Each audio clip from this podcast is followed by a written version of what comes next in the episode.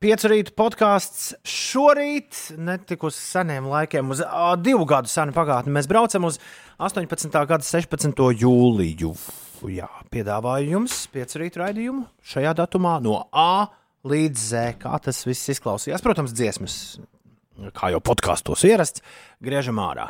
Lai laba klausīšanās, un es ceru, ka arī daudz no jums šobrīd ir atvaļinājumos. Ir kaut kāds iemesls, kāpēc, kāpēc te ir tik karsts ūdens?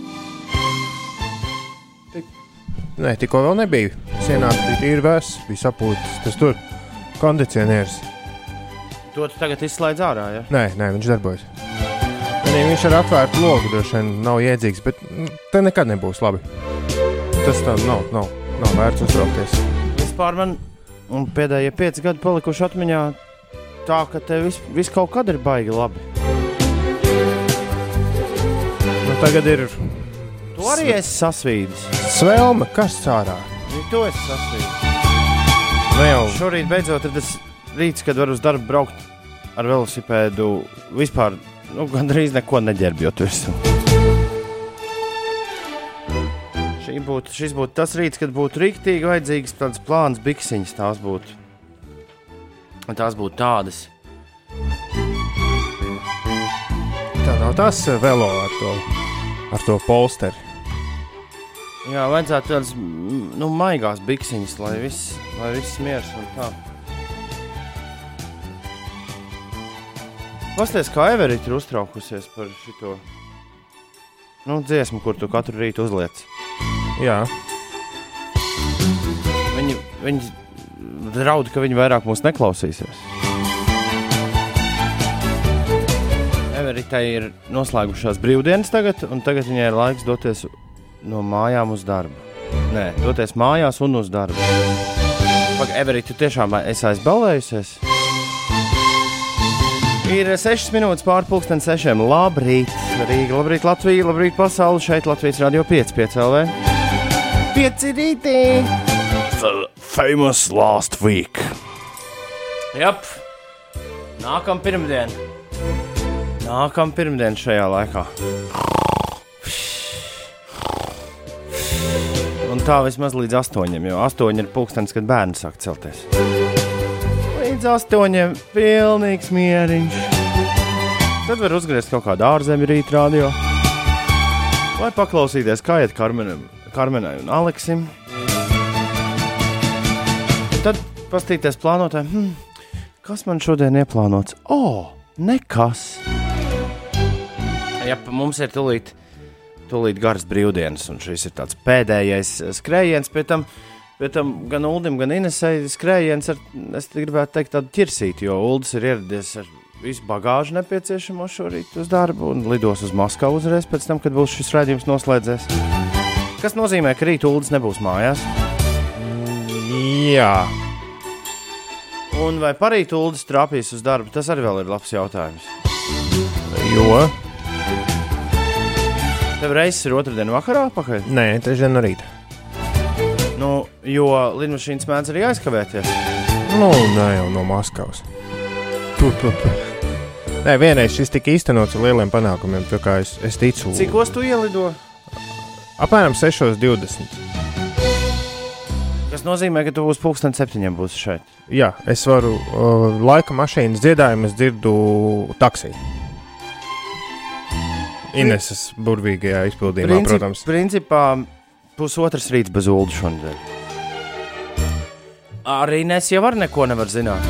Rīt var izrādīties ļoti jautrs rīts. Viņi tomēr brauc? Ines tāpat kā daudz no, es domāju, kāds jau ir šobrīd arī ceļā pie stūres un mūsu dzird. Ines dodas uz N' Roses koncertu šovakar Tallinā. Pēc tam, kā es pētīju internetā, daudz jau ir aizbraukuši.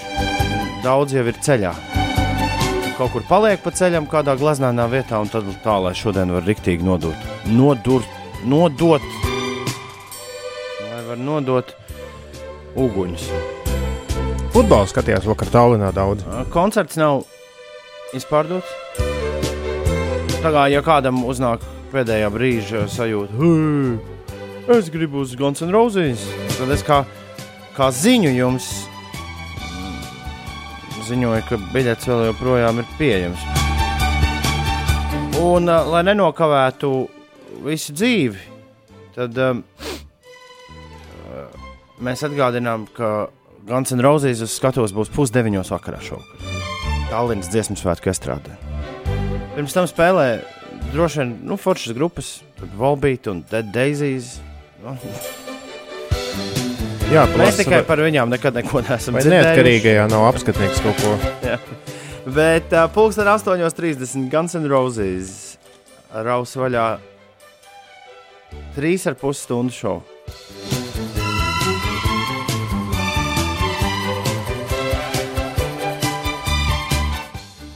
Autobuss pasažieru, kurš gāž vienā rāvienā. Armāns šoferis šādi un tad mm. -hmm. mūs klausās uz austiņām, tad, kad viņš brauc ar, brauc ar pilnu autobusu ar igauniem vai vai, vai latviešiem un veda viņus turp šurpu no Rīgas uz Tallinu vai no Tallinas uz Rīgu. Uh, autobuss brauc 4 stundas un 20 minūtes. Tātad Inesē principā ir stunda laika, lai izkļūtu no vietas, kur šovakar būs nu, droši vien ap kādiem 100 tūkstošiem cilvēkiem. Mhm. Nu, un tad vēl ir, tad vēl ir kāds 40 minūtes handikapā, ko tur benzīna tankā ar kādu salveti sviedrus noslaucīt. Viņi brauc ar mašīnu, ja nevis ar. Viņi brauc ar mašīnu. Ah, tas labi. Brauc ar mašīnu. Tas ir labi. Kas, kas tieši? Nu, ka nav sabiedrība, nu, ka, nu, ka ir savs transports. Jo es visvairāk droši vien baidītos nokavēt autobusu, nu, ņemot vērā, ka varbūt apgrūtināt izkļūšanu no pašas tā koncerta vietas. Tu domā, Nu, zin kā, ar savu drošāk. pasties, ko es atradu. Igaunijā 18, no 18. līdz 21. jūlijam ir Baltic Sun Festival of Music and Joy. Baltu suns. Ja? Es domāju, vai kaut kur, vai kaut kur var atrast, vai kaut kur var atrast programmu, kas tur ir. Tā. Nu, jokaini. Viņi ir salikuši tikai. Ja domāju, viņi ir uzlikuši tikai un vienīgi bildītas. Nu, tā kā šita mūsu mīļie Igauni. nu, viņi, viņi nopublicēja programmu, Uh -huh. Un programmā neuzraksta, kas tie ir par cilvēkiem. Līdz ar to Baltikas Sun festivālā uzstāsies eh, sieviete, kurš izstāsta, ka stāv poliklīnikas gaitenī. Džeks, kurš eh, skatās prom no kameras. un četri, četri jaunieši, trīs dāmas ar violēm un viens džeks ar, ar, ar kontrabasu. Bet tur, as- tas ir tas, kur astronauts. Pagaidiet, skatos tālāk. Nākamajā, jo katrai dienai ir savs plakātiņš. Ah, es atpazinu Aleksandru Ribaku. Ah, tad tas ir tas pats, reku krieviski ir viss. uh, Aleksandrs Rībaks būs 19. laikam jūlijā vai 20. Nē, 19. kaut kas cits. Tiešām ir astronauti. Viņi tādā veidā pievilina latviešu klausītājus. Varbūt viņi ir slaveni vienkārši Igaunijā. Jā, to, mēs es, to mēs esam aizmirsuši viņiem pajautāt. Vai jūs gadījumā nesat populāri arī kaut kur citur? Vienīgais, ko es zinu, Daddy was a milkman, kas, kā izrādās, lietuvietis, par ko. Mikolas Jozefs no Čehijas, Geter Ajānino. Nu, Viņš tāds Billijs pēc, pēc festivāls, nu tāds pēc Eirovīzijas Narvā. Bandi ir forši. No. Nārvā tas notiek. T- tāpēc viņš ir ļoti tāds uz kaimiņu valsts liel, vēl viens cits auditorija. Tur ļoti tuvu blakām ir. Tā ir Nārvi ir uz robežas, jā. Ah, Tā ir tā kā valka tikai Igaunijas otrā pusē. okay. Jo grupa Bravo ir slavena Krievijā ļoti. Billijs Bandi ir forši. Tāda ir kontrabass, nu tāds rokenrols. Izklausās, ka tu pat gribētu uz šādu festivālu doties. Nē. Atzīšos, ka Bet tas ir Nārvā. Everita ir Rīga tiešām aizkavējusi, tāpēc Everita ir tā šodien būs ļoti jautra diena. Atgriezties mājās pēc nedēļas nogales 6,14 minūtēs pirmdienā un dzirdēt, ka rīt radio jau ir, jau ir sācis runāties. Tā sajūta ir tāda, nu, es, es esmu tur bijis savā dzīvē. Es esmu to, es, es esmu to pieredzējis. Sajūta ir interesanta. Pie šī vārda mēs arī varam palikt, es domāju. Aldis brauc uz darbu aiz loga, viņam rādot, ka ir plus 19 grādu. Man bija tikai viena mirkli, tik līdz es izbrau, izbraucu no mājām ar velosipēdu. Man bija doma, pagaid, vai tiešām nevajadzēja paņemt vēl kaut ko uzvilkt. Un tad pēc minūtēm, divām, trijām es sapratu, ka nē, vienkārši tēkraklis ir bijusi pilnīgi pareiza izvēle. Pareizā laikā, precīzi saskaņot ar telefonu, kurš rādīja, kā ārā arī ir. Man šķiet, plus 18 viņam bija. Un naktas vidū viņam bija bijis, skatījos atpakaļ vēsturē, plus 19 viņš pat bija noķēris lielais karstums ir ieradies Latvijā, un tagad uh, šis kādu laiciņu te būs ar mums visiem kopā. Izskatās, Ulu, ka mēs esam pilnīgi precīzā laikā paņēmuši atvaļinājumu. Labi. Mums jau šodien nav atvaļinājums. Uh, Tā, ko nu solam? Nākamā nedēļa. Un es ļoti ceru, ka es savukārt izdarīju pareizi paņemot jaku. Jo teorētiski jēgas nekādas. Bet, ja nu lidmašīnā iepūš, Tu jau vari viņiem palūgt, lai viņi pagriež, pagriež bišķi nost. lidmašīnā. Mēs ar savu A, Kas tur netiekam. ir viņiem ar to augstumu, starp citu? Jo lidmašīnā ir vien, vienmēr ir nu, vai normāli, vai pa augstu.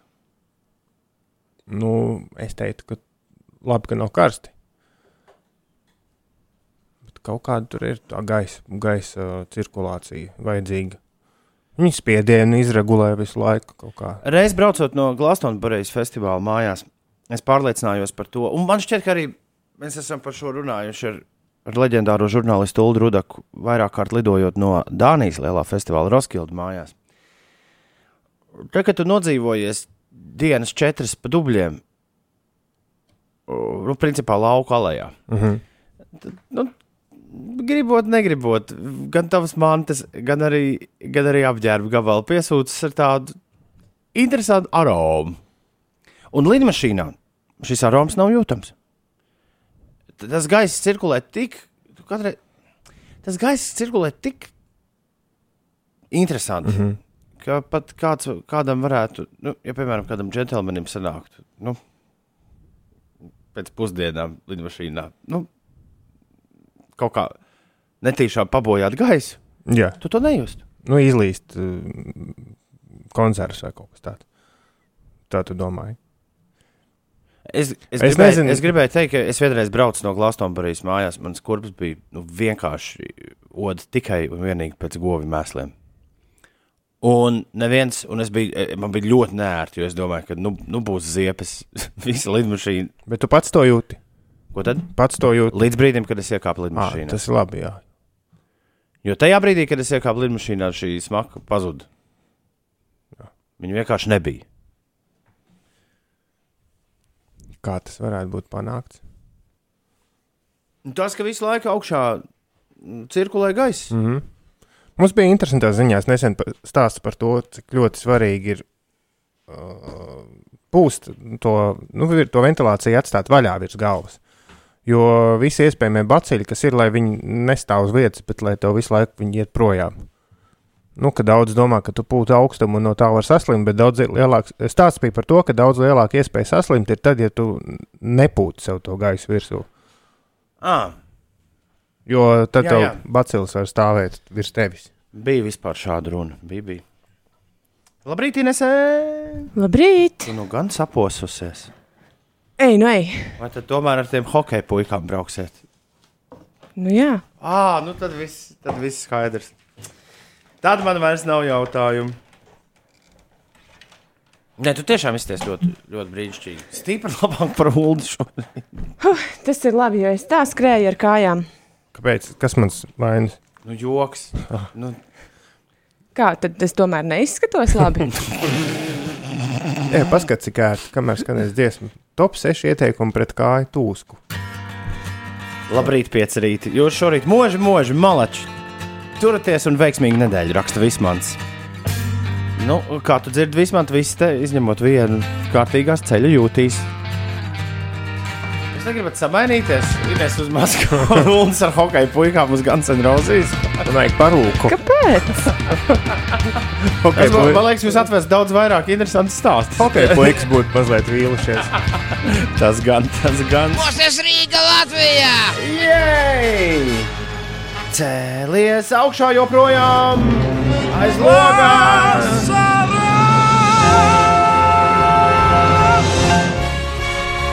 Un vispār vasara pieņems spēkā. Meteo vīrs šorīt raksta vietām Rīgas jūras līča piekrastē gaisa temperatūra naktī nav noslīdējusi zem plus 20 grādiem. Tātad pirmā tropiskā nakts šogad, un tādu būs vēl daudz. Tikmēr vakar Stokholmas centrā gaisa sakārs līdz 33,5 grādiem. Rīgas centra meteostacijas uh, gada maksimums pagaidām ir 28,5, un tas jau reģistrēts 29. maijā. Ārprāts pēc šādas vasaras, kas, kas ar mums notiek. Jūs iedomājaties, Ines un Ulu, kā visi, kā visi kritizēs nākamās vasaras? Nākamgad, aiznākamgad, aiz aiznākamgad. Jo skaidrs, ka šitā jau vairs nebūs. Nav tā, ka cilvēki aizmirst. Ah, ši, šis viss būs izdzēsts ārā. Jā. Jā. Man liekas, ka parasti neatceras. Atceras tikai to, kas ir pašam tāds. Nu, iespējams, tie, kam atvaļinājums bija uh, pagājušo nedēļu vai, vai, vai kaut kādā jūlijā sākumā, kad Jā. lietas. Pēc tam stāstījis, nē, nu tā vasara gan bija nu, rīktīgi lietaina. Šodien saule un mākoņu vietām galvenokārt valsts austrumu un dienvidu daļā īslaicīgs lietus gaidāms un arī pērkona negaiss var uzrasties. Šodien pūtīs ziemeļu, ziemeļu austrumu vējš un temperatūra plus 27, plus 30 grādu. Vēsāks tikai vietām piekrastē. Jej! Sandrs raksta, beidzot pēdējā nakts nostrādā. Tagad ilgi gaidītais atvaļinājums var sākties. Uzliec kaut ko atvaļinājumam atbilstoši. Viņš raksta, Sandri, šis rīktīgi būs atvaļinājumam. Tā kā nagalai papīra. Sound poets 625. Labrīt! Kārlis raksta, baigi nāk miegs.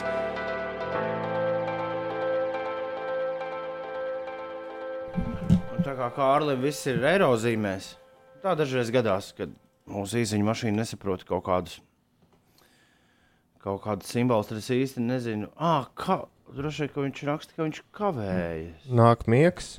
kavējos vien ceļā uz darbu, kur iedzeršu kafiju. Forši, ka vakardien nopeldējos šodien sutoņa, lai superīga diena. Labrīt, Kārli! 293, 1202, ko tu dari šajā brīdī? Kā tev iet? 6,28 ir pareizais laiks.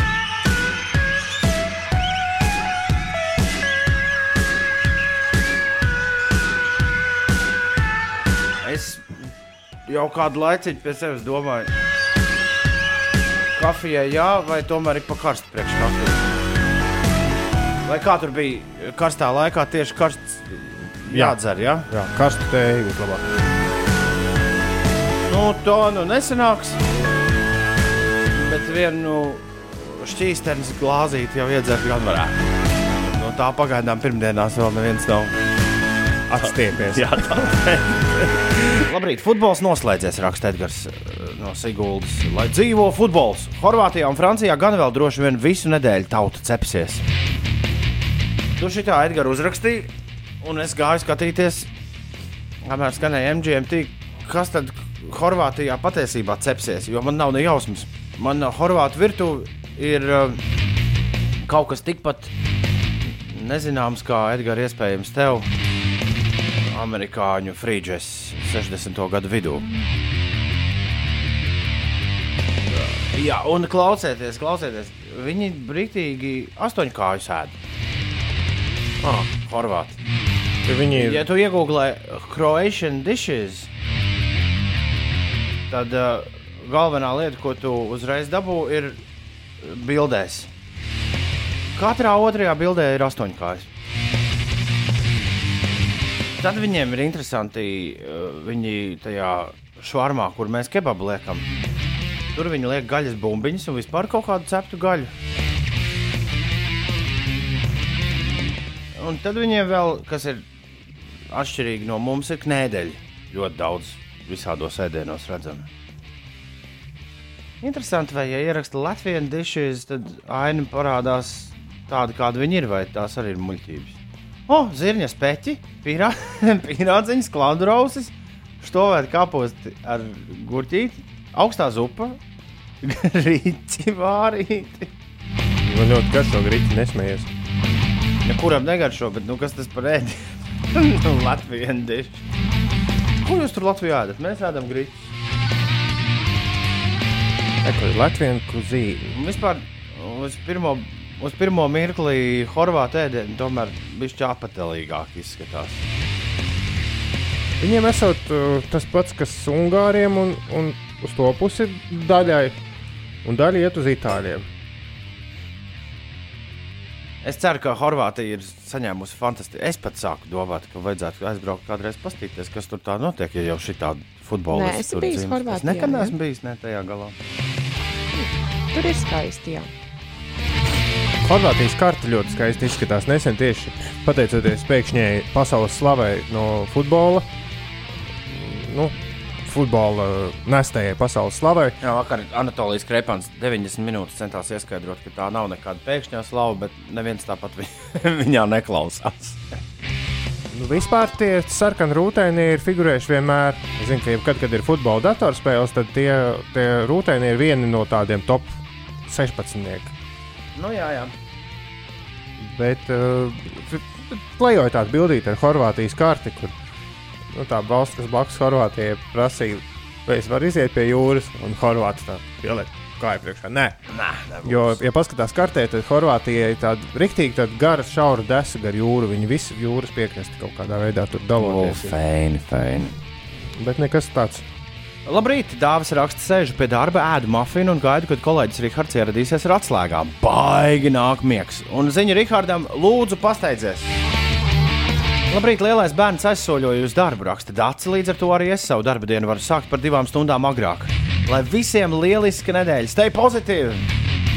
Priekā, Dācis! Čēlere modusies. Labrīt, es kafiju tieši tā, es miegs pa visiem galiem spraucas. Jauku pirmdienu! Runājot par stay pozitīvu, ko Dārsa pieminēja, Nu, nu. vai arī Staprāns ir ar mums sakontaktējies? Viņa ļaudis, dziedātāja lauva ļaudis, bija pirms pāris nedēļām ar Ulu stājušies kontaktos. Bet man šķiet, ka tikpat ātri kā stājās, tikpat ātri arī pazuda. Visa saruna beidzās ar to, ka viņi atsūtīs uh, viņa. Tā, kur ir Frančiska? Viņi atsūtīs viņa grafiku.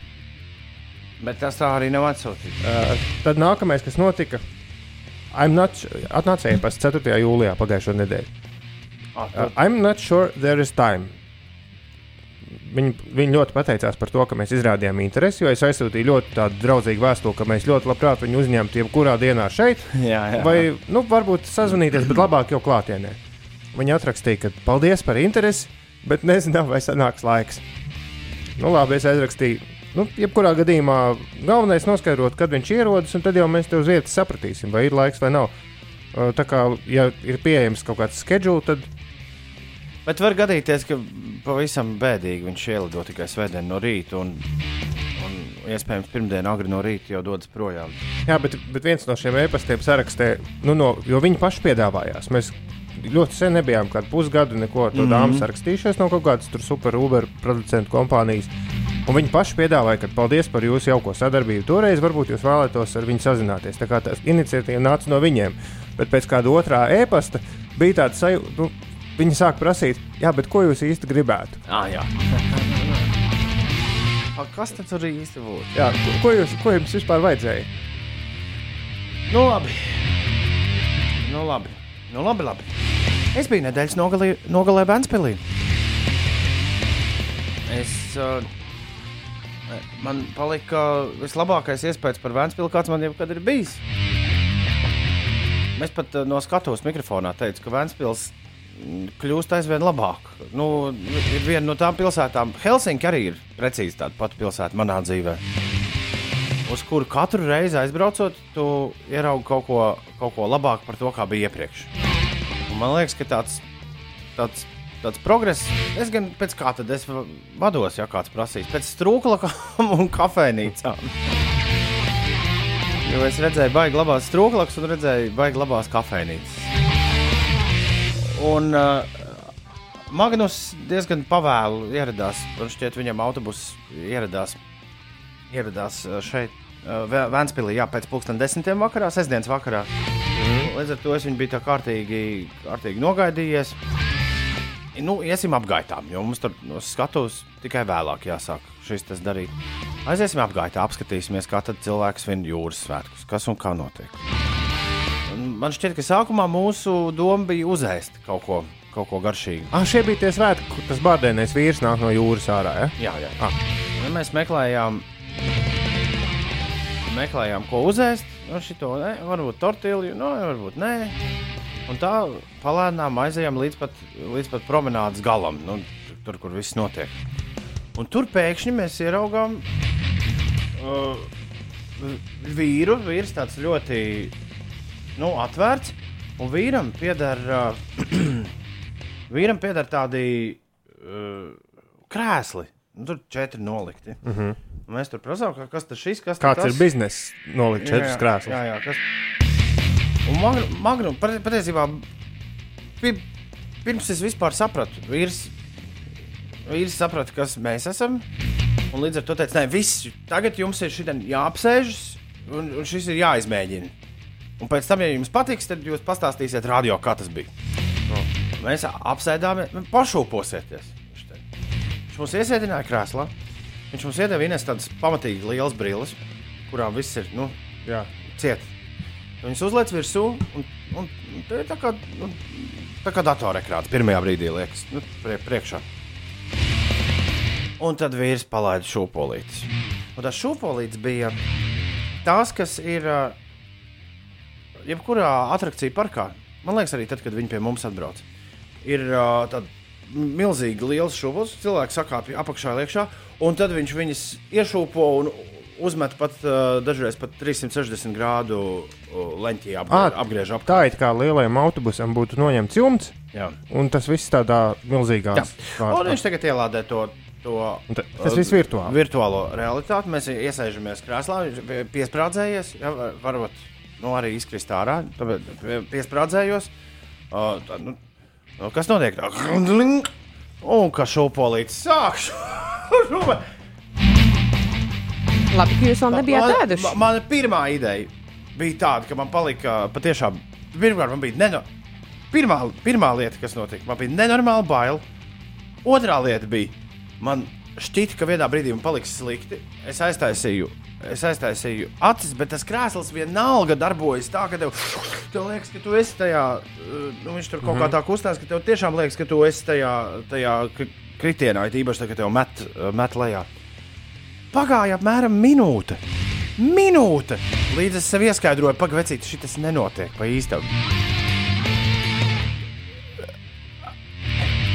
Kā Magnus pēc tam teica, iedomājieties, kā var apjāt smadzenes. Nu, vienkārši tā. Bet tas tā kā, tu zini to kāzu un ballīšu atrakciju par uh, Un, celšanu uz taburetes. un es šitā te ienes iekrampējies tajā krēslā.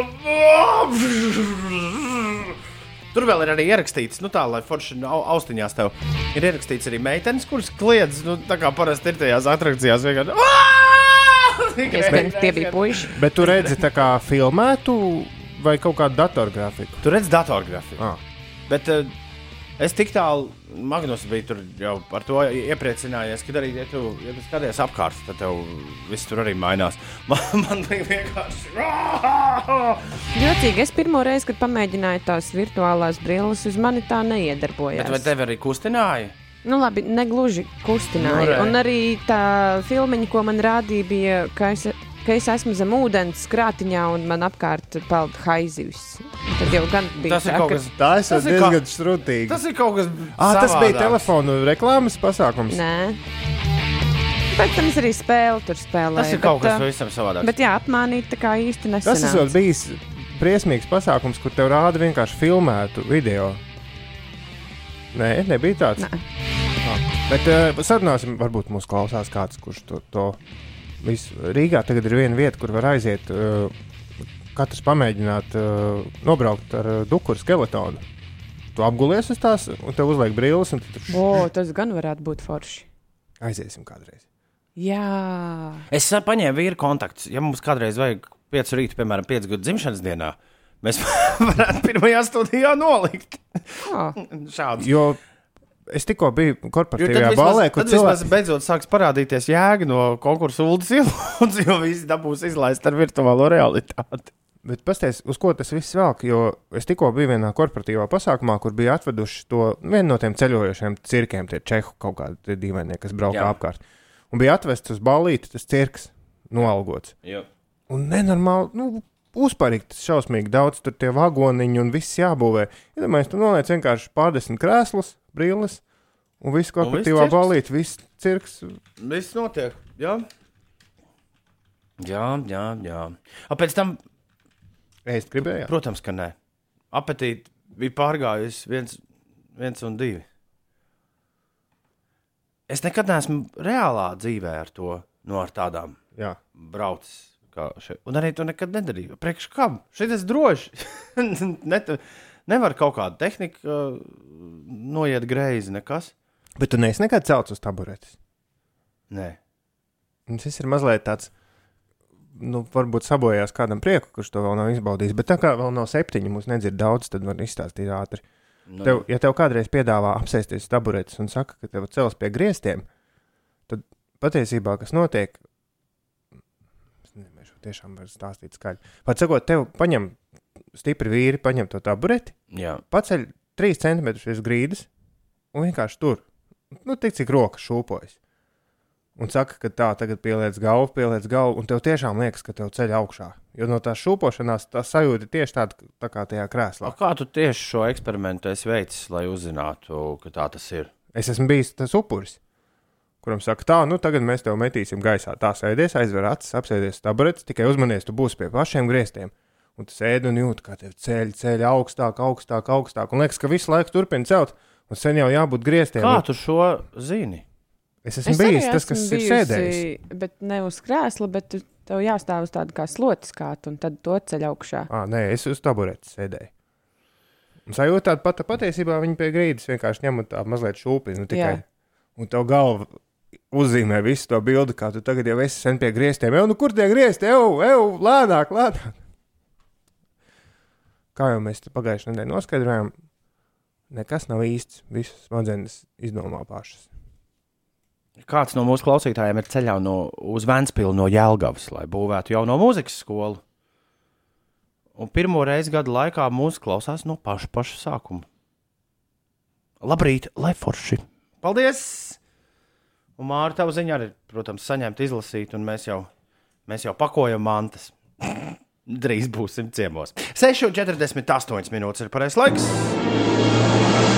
Laika mašīnā.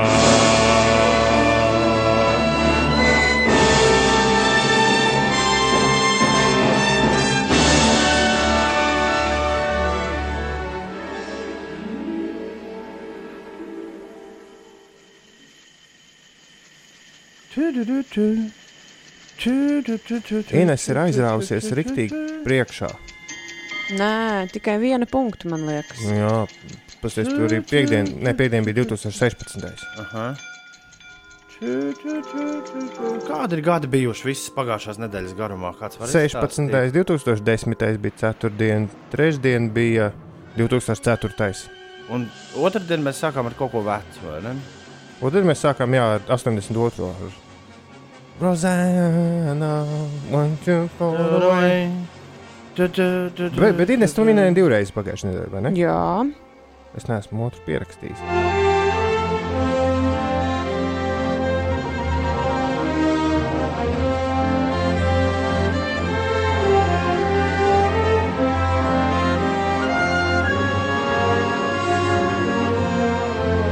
Nē, tu esi priekšā tu esi 103 punkti, man tikai 101.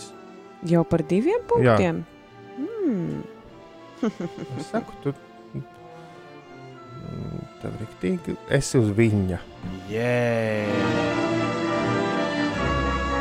Piektdien arī tu vinnēji pareizi.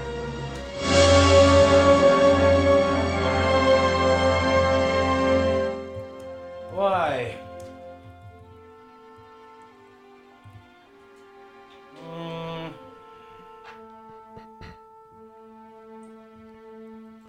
Vai ta- Vai, vai, vai, vai, vai. Vai tas nozīmē, ka ja klausītājs sēdētu šādos kustīgos krēslos ar brillēm, Mm. un mēs viņiem rādio stāstītu? Par laika mašīnas dziesmām. Nē, mēs viņiem stāstītu, kas tagad notiek. Iedomājieties, mēs varētu uztaisīt radio, kurš ir Kādas kustības viņiem būtu brīdī, kad mēs runājam? abas bildi jau arī jārāda. kāda. Mm -hmm.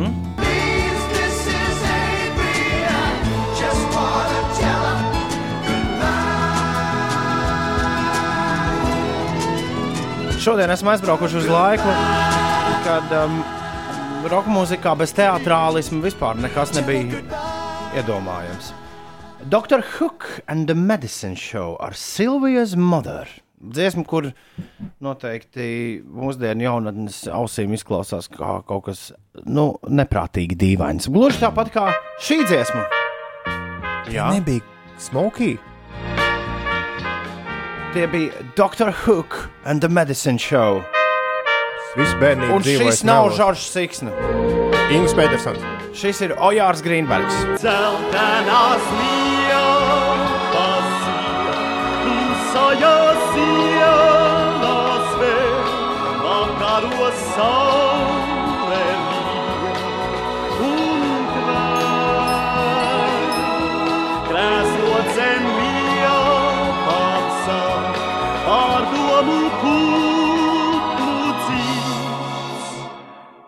atmiņu lietus nāk. Ojārs Grīnbergs atmiņu lietus. Vai akniņu lietas, kā mēs arī neste aizkadrā. Vai dzirdēji, kā akniņas? Mm. Ai. Numur viens Lielbritānijā tajā gadā, uz kuras 16. jūlijā esam devušies, bija jauns zēns, kurš lika gan jaunu meiteņu, gan, gan arī padzīvojušu kundzīšu sirdīm. Straujāk! It Puppy Love. Tonijs Osmans pie mikrofona. Amerikāņu puika tajā laikā. Kurā laikā? Tas ir labs jautājums. Uh, Hmm. Uldi, kurā gadā mēs bijām? Man jau liekas, ka tie ir kaut kādi saldie 77. Lai ir 77. tāds. 77. ir Ulda variants. Inês. Es ņemšu 80. Labi. Ņem ar. Tas Uldim. Un tas tev Inês. Nu, visu laiku jau nevar uzvarēt. Mēs jā. bijām 1972. gadā. Es nemācīšu tev līdzēt, Ulu, kāpēc tev liekas, ka Silvijas Mother ir ar Krisu Normanu vai Smokiju saistīta. Vienkārši balss līdzīgi. Jo es mēģināju sagūglēt kaut kādu, kaut kādu līdzību, bet tur, nu, tur nekas nav kopīgs. Nē, tikai tik, cik balss uh, dziedājums.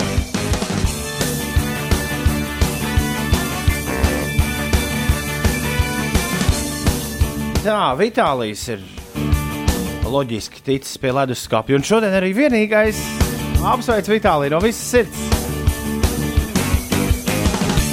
Es par Silvijas Mother riktīgi aizlasījos. Jo dziesma ir autobiogrāfiska. Un Tur tiešām Džeks mēģinājis salabot attiecības ar, ar Silviju. Silvija pat bija ir zināms, ka tā ir Silvija Pandolfi, kur ir Meksikas, eh, Meksiko City mākslas muzeja direktore tagad mūsdienās. Kā Viņš zvanīja Silvijas mātei, un Silvijas mātei jūs liecies vecītu mierā. Viņa ir jau sadarināta ar citu džeku. Un Dziesma, tāpēc tam šī, par šito viņš arī ir uzrakstījis. jā, un visu laiku, Silvija! Indians mothers. Un fonā visu laiku, and the operator says, nu tur tas operators saka, ka jums vēl ir atlicis tik un tik. jā, un jums jāsaka, nē, tur ir par to, ka jums Ah, jāsamaksā vēl 20 40 cents more vai Jā. 40 cents. Jā, jā, jā. jā. Skumja dziesma. Arctic Monkeys un Evda vārdi mums playlistē. Tūdaļ pat trīs minūtes pār septiņiem. Vispirms noskaidrojam, kas jauns Latvijā un pasaulē. Inesē ir jaunākās ziņas. Internetā, mobilajā lietotnē un FM radio uztvērējos. Šis ir Latvijas Rādio 5. Ziņas! Ārlietu ministrs Edgars Rinkevičs piedalīsies Eiropas Savienības ārlietu padomes sanāksmē Briselē. Ministri tajā apspriedīs eh, situāciju Korejas pussalā pēc ASV prezidenta un Ziemeļkorejas līdera pirmās divpusējās tikšanās. Bērnu klīniskajā universitātes slimnīcas funkcionālās diagnostikas dienestā nodrošinās padziļinātas profilaktiskās medicīniskās pārbaudes sportistiem un bērniem ar paaugstinātu fizisko slodzi, tā informē slimnīcā. Ārzemēs Helsinkos notiks ASV prezidenta Donalda Trumpa un Krievijas prezidenta Vladimira Putina tikšanās. To uzskata par nozīmīgāko abu valstu līderu divpusējo tikšanos kopš pagājušā gadsimta 90. gadiem, bet Donalds Trumps jau izteicies, ka no šīs tikšanās negaida īpašus rezultātus. Eiropas Savienības un Ķīnas augstākās amatpersonas šodien tiekas Pekinā, lai parakstītu līgumu par savstarpējām investīcijām, un vēl pašmājās no šodienas līdz sestdienai Salkrastos norisināsies starptautiskais džeza mūzikas festivāls Salkrasti Jazz. Visu nedēļu festivālā paredzēti ikvakara brīvdabas koncerti, kuros piedalīsies džeza meistari gan no Baltijas valstīm, gan Austrijas, Francijas, Polijas, Ungārijas, Izraels un Armēnijas. Sportā Francijas futbola izlase otro reizi vēsturē izcīnīja pasaules kausu. Turnīra fināla mačā Francijas futbolisti ar 4 pret 2 uzvarēja Horvātijas valsts vienību. Savukārt par pasaules kausa labāko spēlētāju atzina Horvātijas valsts vienības pussargu Luku Modriču. 8. Un par laikapstākļiem, kā vēsta valsts vidas geoloģijas un meteoroloģijas centrs Latvijā, mainīgs mākoņu daudzums vietām, galvenokārt dienvidos gaidāms īslaicīgs lietus un pērkona negaiss, iespējama arī krusta. Šodien maksimālā gaisa temperatūra plus 27, plus 30 grādu. Vietām piekrastē par dažiem grādiem vēsāks. Rīgā neliels mākoņu daudzums un diena bez nokrišņiem. Pat laban pūš ziemeļu, ziemeļaustrumu vējš 2 līdz 5 m2 un gaisa temperatūra Ventspilī, Liepājā un Valmierā plus 18 grādu, Rezaknē Daugopilī 19 un Rīgā Jelgavā plus 20. Halo, Latvija! Latvijas radio rada un raida kopš 1925.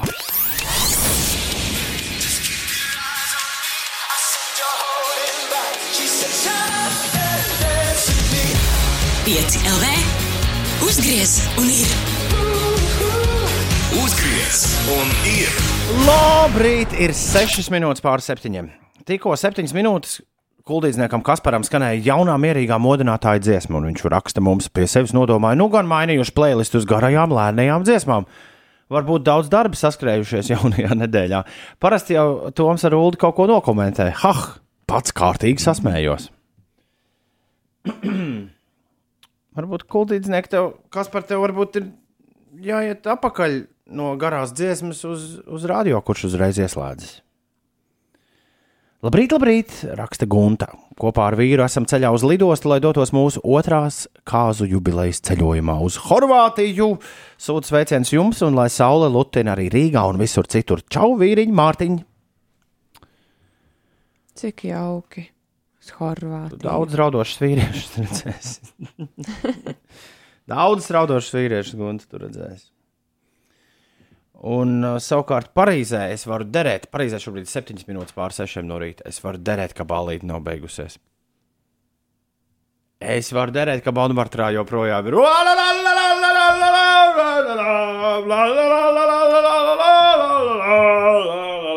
Viva la France, viva la France!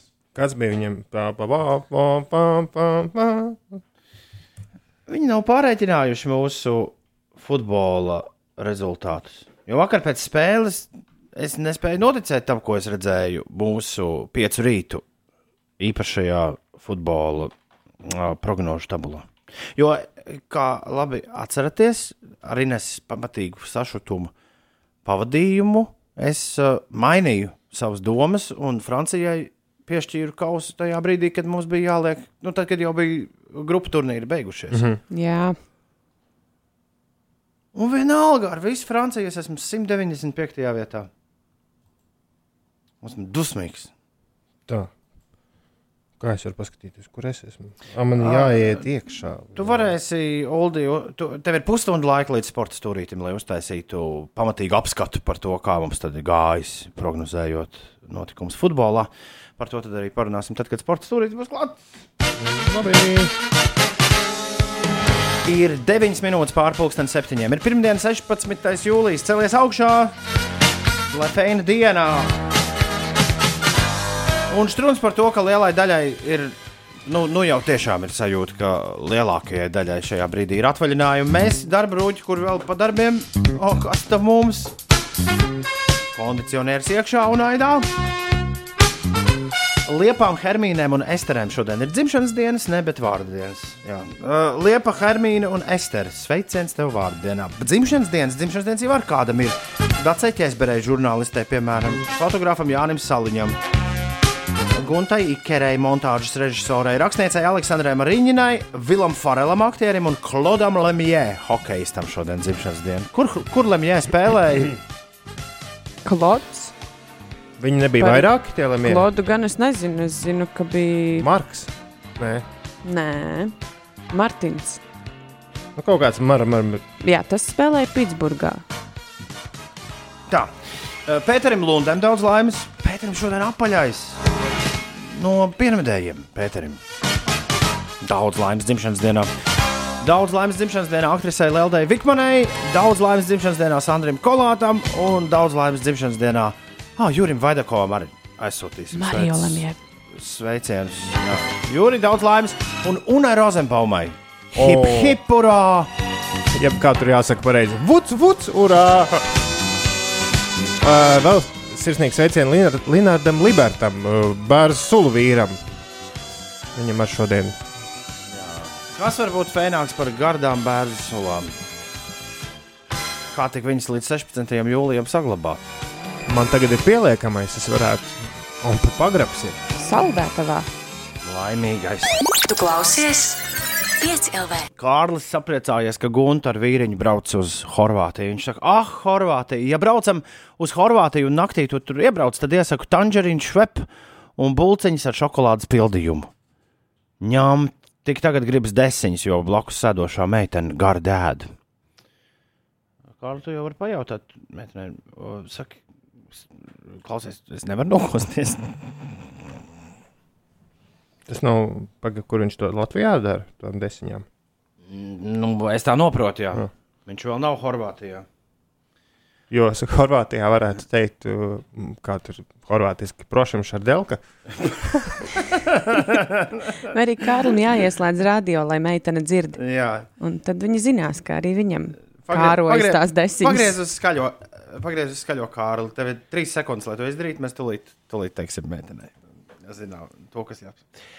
Klau, Kārlis, tas ir tas džeks, kurš šobrīd sēž tev blakām. klausās radio skaļi. Jā. Kārlis ļoti gribētu nokosties vienu mazu kumosiņu no tavas desiņas. Viņam tīra mute. Uldi, tu visus saboji.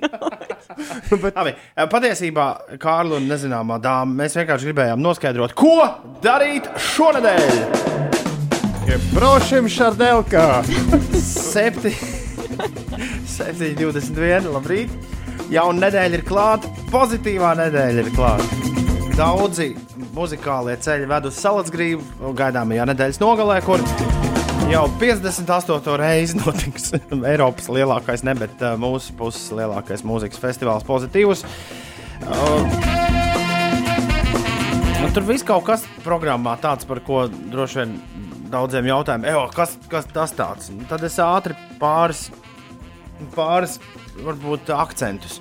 Scratch perverts ir, kur ir uzradušies naktī no piekdienas uz sestdienu. Un tie ir tādi džeki, kas uh, riktīgi platas, platas plēš tā, ka maz neliekas. Tas varētu būt ļoti interesanti. Un uh, noteikti iesaku nepalaist garām. Uh,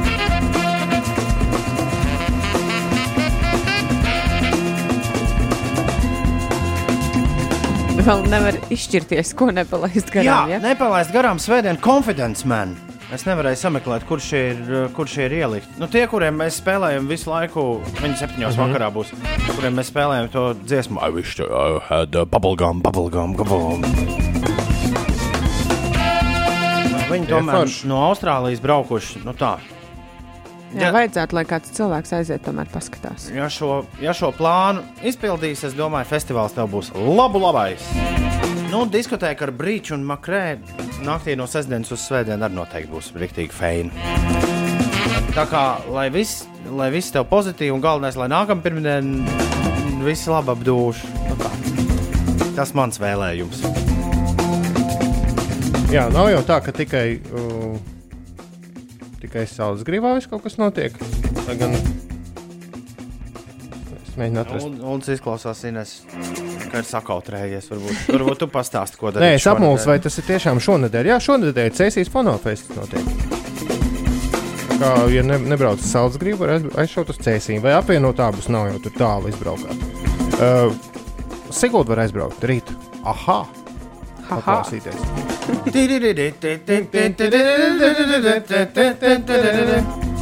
Un, ja tu nezini, kur vēl aizbraukt, Ines nesen bija uz to slaveno tiltu bez upes un bez ceļa. Vienkārši tilts lauka vidū.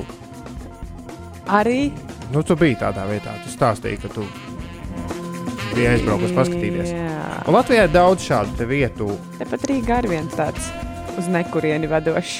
Jā, Latvijā ir daudz šādu vietu. Un, uh, reku, uh, ļaudis ir uztaisījuši lapu, atklāja, lat, atklāja Latviju.CLV.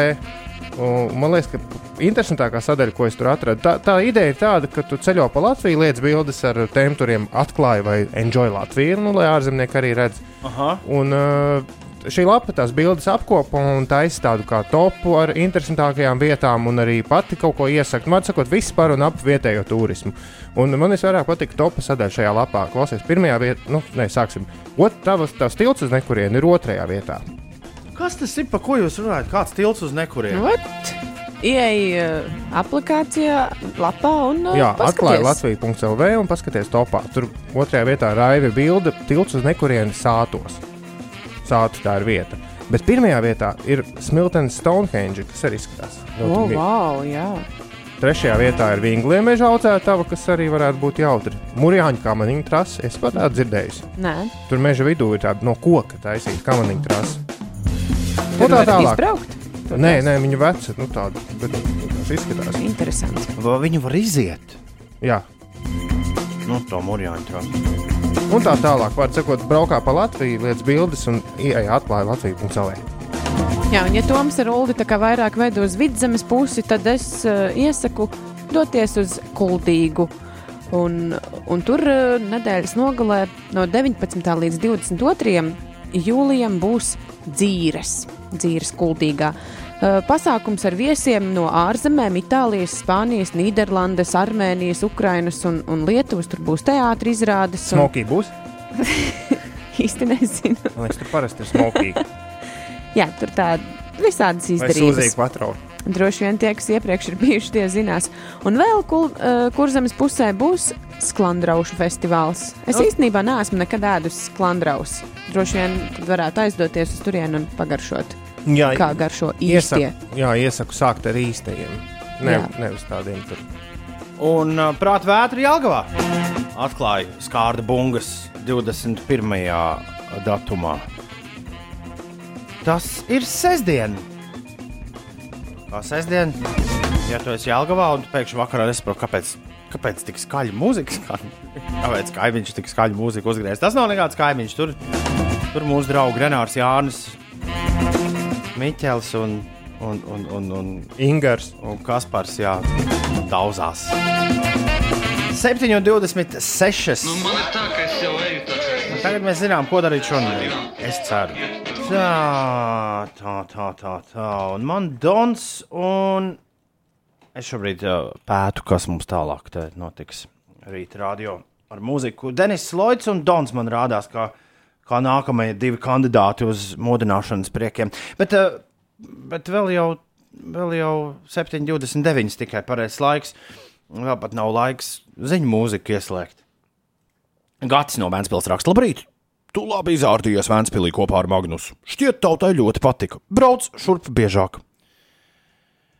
Pa ilgiem laikiem minēs, un Uldi, es šodien, šodien kliboju. Es pamanīju, jā, bet. Um, Man ir šitie, ka- kas tie ir? Muskuļi? Jā, Sēžas? Kā, kā, kā Sēžas. tie ir pilnīgi izrādīti. Pagaid, tev ir tā tūska, par ko avīzē bija rakstīts. Pilnīgi izrādīti. Paskaties, avīzes pēdējā lapā. Un, bet kas ir interesanti, es varu pārvietoties ģeniāli ar velo, bet es nevaru paiet. Tā mēdz būt. Jā. Un Paldies visiem, kas bija. Kas naktī no sestdienas uz svētdienu atpūtās Vēnspīlī. Es jau labprāt brauktu biežāk, bet Uldis, Uldis man vienmēr piktu skatienu veltu. Nu, nevar tā krīt cilvēki pa naktīm tik bieži dzīvoties apkārt, vai ne? Jā. Es jau no sevis mācos, no savām kļūdām. Ir pusaustoņi no rīta. Ines lasīs ziņas, es tikmēr atnesīšu tev vēl spēju, lai tu varētu sēdēt. Nu, lai tev kā Ah, lai es pa Jā, studijām. jā. Varētu vien tādu vienritenīgu dabūt. Kā jau teica Dons un Denis Loits, visai drīz tūlīt arī sporta stūrītis ir pusaustoņi no rīta, ir pirmdiena, 16. jūlijas. Tu klausies Latvijas Rādio 5,5 LV laiks ziņām.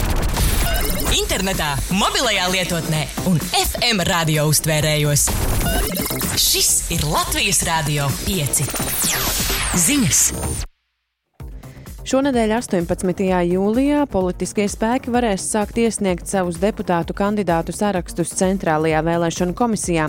Kā min komisijas priekšsēdētājs Arnis Cimders, pirmajās dienās viņš nesagaida lielu partiju aktivitāti. Priekšvēlēšanu saraksti varētu tikt iesniegti vidusposmā vai uz beigām. Tiesa šodien lems par vecrīgas grautiņu lietā notiesātā Anša Atola Bērziņa pirmstermiņa atbrīvošanu no ieslodzījuma. Advokāts norāda, ka jautājumu par Bērziņa atbrīvošanu skatīs atklātā tiesas sēdē. Helsinkos notiks ASV prezidenta Donalda Trumpa un Krievijas prezidenta Vladimira Putina tikšanās, ko uzskata par nozīmīgāko abu valstu līderu divpusējo tikšanos kopš pagājušā gadsimta 90. gadiem. Donalds Trumps jau izteicies, ka no šīs tikšanās negaida īpašus rezultātus. Eiropas Savienība aicinājusi ASV, Ķīnu un Krieviju sadarboties, lai mazinātu spriedzi globālajā tirdzniecībā un neļautu tai pāraukt karstajā konfliktā. Brīdinot, ka tirdzniecības kari vēsturiski bieži pārauguši vardarbīgā konfrontācijā, Eiropas padomas prezidents Donalds Tusks, kurš ieradies vizītē Pekinā, uzsvēris, ka joprojām ir laiks, lai novērstu konfliktu un haosu. Sports! Francijas futbola izlase otro reizi vēsturē izcīnīja pasaules kausu. Turnīra fināla mačā Francijas futbolisti ar 4-2 uzvarēja Horvātijas valsts vienību. Savukārt par pasaules kausa labāko spēlētāju atzina Horvātijas e, pussargu Luku Modriču. Latvijas futbola virslīgas līdervienības RFS uzbrucējs Roberts Uldriķis vienojies ar Šveices augstākās līgas klubu Sion, parakstot četru gadu līgumu. Tāda informācija pieejama sporta centrs kom. Satiksme! Saistībā ar kanalizācijas pārbūves darbiem no šodienas līdz 15. augustam Elijas ielā posmā no Turgeņa ielas līdz Dzirnevu ielai ierobežos transporta līdzekļu satiksmi, un saistībā ar tramvaju sliežu ceļa rekonstrukcijas darbiem no šodienas līdz jūlija beigām būs slēgta transporta līdzekļu satiksme Matīs ielā pie ēkas Brīvības ielā 90. Un vēl par to, kas notiek Rīgas ielās, šobrīd trīs minūtes jākavējas Gustava Zemgala gatvē posmā no Ieriķa ielas līdz Brīvības gatvei. Divas minūtes Latvijas ielā, Čaka līdz Tērbatas ielai, tajā posmā A7. Posmā no Baloža pagrieziena līdz Bauskas ielai trīs minūtes jāierēķina ceļā, un citviet pagaidām situācija ir visai mierīga. Laika ziņas! Šodien Latvijā mainīgs mākoņu daudzums vietām, galvenokārt dienvidos gaidāms īslaicīgs lietus un pērkona negaisa, iespējama arī krusa. Gaiss sasils līdz plus 27, plus 30 grādiem, vietām piekrastē par dažiem grādiem būs mazliet vēsāks. Rīgā neliels mākoņu daudzums un diena bez ievērojumiem nokrišņiem, pat laban pūš ziemeļu, ziemeļaustrumu vējš 2 līdz 5 m2 un gaisa temperatūra Ventspilī, Liepājā, Valmierā plus 18 grādu, Rezaknē, Daugopilī 19 un Rīgā Jelgavā plus 20. Uzgriez! Uzgriez! Uzgriez! 5 LV! Uzgriez un ir. Grēviņš, Ziediņš, Puķakā, 5 ir rīta darba dienā starp 6 un 9 šeit Latvijas radio 5,5 LV ēterā arī šorīt. Un uh, nākamais pusotrs rīts būs bez, Un nav pusotrs. bez ulu. Nu, kā tu vari būt tik drošs, ka viss notiks minūte minūtē? Esi pozitīvs. O, labi. Oi. labi, labi, labi. Nevajag mētāties ar naudu. Tāpēc. Zini, kas ir tajā Trumpa uh, un Putina tikšanās sakarā visinteresantākais? Nu? Uh, es jau lasīju kaut kādos gudros portālos, ka neviens, uh, nu, žurnālisti ir aizmirsuši runāt par vienu ļoti svarīgu lietu. Neviens nezina, kāpēc šī tikšanās notiek. Helsinkos vai Nē, kāpēc vispār? notiek? Šis tikšanās iemesls nevienam nav zināms. Pats pašam Trumpam īsti nav skaidrs. Viņš teica, nu kā Lūsija, mēs sat- satiksimies. Papļāpāsim. Jā, tad jau redzēs. Klau, klau, šodien krusas draudi ir. Šito dzirdējāt? Jā, es pati stāstīju. Ah, Tā, tā, tā. Vai tik man nebūs jāuzspēlē tā ziņu spēle? Vai, tev ir jau, vai tev ir jautājumi gatavi? Es ātri varu izdomāt. Mums ir geogrāfijas spēle, kur katru mirkli. Nepār, lūdzu, nepārbāzīsim ēteru ar spēlēm. Jā, kur katru mirkli tā tiešām tuvojas. Jā, pēc mēneša pārtraukuma, starp citu. 18. Veselu mēnesi? 18. jūnijā bija pēdējā. Oho. O, vakar nosēdos skatīties futbolu pēc naktas piedzīvojumiem Vēnspilī un uzreiz ielaidos skaistā miedziņā. Jā, mēs redzējām. Uzreiz ielaidos miedziņā un pamodos tieši uz franču pendeli. Pendeli bija, Jau pirmā puslaika beigās. jā, tie bija, mm, viņi izvirzījās vadībā ar 2-1 ar to. Pagaid, bet tu tad skatījies mājās futbolu? Jā, jā, vakar visiem, visi kungi, kur bija gribējuši kafejnīcā sanākt kopā, visiem izrādījās kaut kas cits darāms. Piemēram, bija jāguļ. Piemēram, mans, mans holandas draugs, kurš šobrīd ciemojas Latvijā. Mans holandas draugs paziņoja, ka vispār, vispār Tour de France ir daudzreiz svarīgāks par šito te, par šito te pasaules kausu, kurā tāpat viss skaidrs. Bet fināls bija fantastisks. Ir viss kaut kas, ko šorīt runājot par futbolu, jo visi priecājas par futbolu. Mēs esam piemirsuši. Ir vēl viss kaut kas noticis sportā nedēļas nogalē. Serbu tenisists Novaks Džokovičs vakar ceturto reizi karjerā tika kronēts par prestižā Wimbledonas čempionāta uzvarētāju. Pie viena izcīnot arī savu 13. Grand Slam trofeju. Wimbledonas čempionāta finālā pašlaik 31 gadu vecais Džokovičs, būdams izlikts tikai ar 12. numuru ar 6-2, 6-2, 7-6, pārliecinoši uzvarēja Dienvidāfrikas Republikas tenisistu Kevinu Andersonu. Dāmas turnīrā sestdien uzvaru guva Vācijas tenisiste Angelika Kerbere, kuru finālā ar 6-3, 6-3 pārspēja titulēto amerikānieti Serēnu Williamsu. Serēnu Williamsu. Latvijas šoseis riteņbraucējs Toms Skuiņš no Treksaga Fredo vienības vakar palīdzēja savam komandas biedram Jonam Dagenkolbam no Vācijas Triumfet prestižā daudzdienu velobrauciena Tour de France 9. posmā. Forši. Latvijas skrejēja Līga Velvera sestdien Beļģijā ar jaunu personīgo rekordu izpildīja Eiropas čempionāta normatīvu 800 metru skrējienā. Visaugstākais rezultāts Velverei, kur 800 metru distanci noskrēja 2 minūtēs un 1,21 sekundē. Vienlaicīgi uzstādot personīgo rekordu un tad izpildot arī Eiropas čempionāta normatīvu. Piecu rītu futbola prognožu spēle ir noslēgusies. Čuvaks ar 229 punktiem ir uzvarējis. Apsveicam, čuvak, tevi. Laurim Ans, es pieļauju, ka tas ir Lauris Anstrauts. Lauris Ans ir otrajā vietā, un Andris Tilčiks ir trešajā vietā. Sveicam visus uz godu piedestālu. Tuvākais džeks, ko mēs pazīstam, ir 20. vietā. Tas ir Tūmis. 31. vietā ir Daira Kokorevičs. Daira Koko, jeb Daira Zīle, nu jau mūsu bijusī ziņu ninja. Uh, Toms ir. Uh, Kārlis Zariņš ir 55. Es eju pa cauri topam. Apsveicam Kārli. tevi. Eh, Es esmu nu, knapi virs Ine- Ineses. Tomēr ar savu pareizo Francijas prognozi. Pat Arts Valfs ir virs manis. kurā vietā ir Arts Valks? Arts Volfs es nu pat redzēju, bet es paskrēju viņam garām. Nu, kāda starpība, kurā veidā ir Arts Volfs? Es esmu 195. vietā, un Inês ir 216. Un Uldi, tu esi uzvarējis mūsu starpā futbola prognozēs. Kurā pozīcijā esi tu? 115. Un šo pozīciju Uldis sasniedz vienkārši lozējot. Kuras komandas ar Nē, kurām nē, spēlē? nē, nē, tas ir hokeja. Šoreiz es darīju tā, ka nezinot neko, nevarot nekādas reitingus, es liku uz to, kas man likās, kas ir stiprāks. Tā kā kaut kāda. Bet nākamreiz es likšu otrādi. Es likšu uz tiem, kas ir sliktāki. Nu, pēc diviem gadiem Eiropas čempionātā. Un paskatīsimies, kas no tā sanāks. 7,30, nē, 7,40 jau pareizais laiks, bez 20 minūtēm 8. Pirmdien, 16. jūlijas 2018. gads, ja kas uz sirds atraks mums īziņu 293, 202. Es vēl biju sporta stūrītam pietaupījis vienu no kreipānu faktiem. Šis man sevi smināja visvairāk. Nu, tas, ka viņš zina, kurā gadā, kurš tur kurā komandā, tas skaidrs. Bet viņš zina to, ka uz pasaules kausa trofejas ir vieta, lai ierakstītu uzvarētājus līdz pat 2038. gada pasaules, čem, pasaules kausam. Kas notiks tālāk, to Nu, jauns, jauna trofeja jātaisa. tas būs labs jautājums. Ir bez 20 minūtēm 8, kā jau teicu, un uh, 5. Uzgriez un ir. visai drīz parādījā skanēs Denis Sloits ar Nevermind. Būs arī Dons. Bet vispirms, Ulu, tu esi redzējis Ines jaunāko Instagram stāstu. Nē, Man pavēr vaļā un paskaties.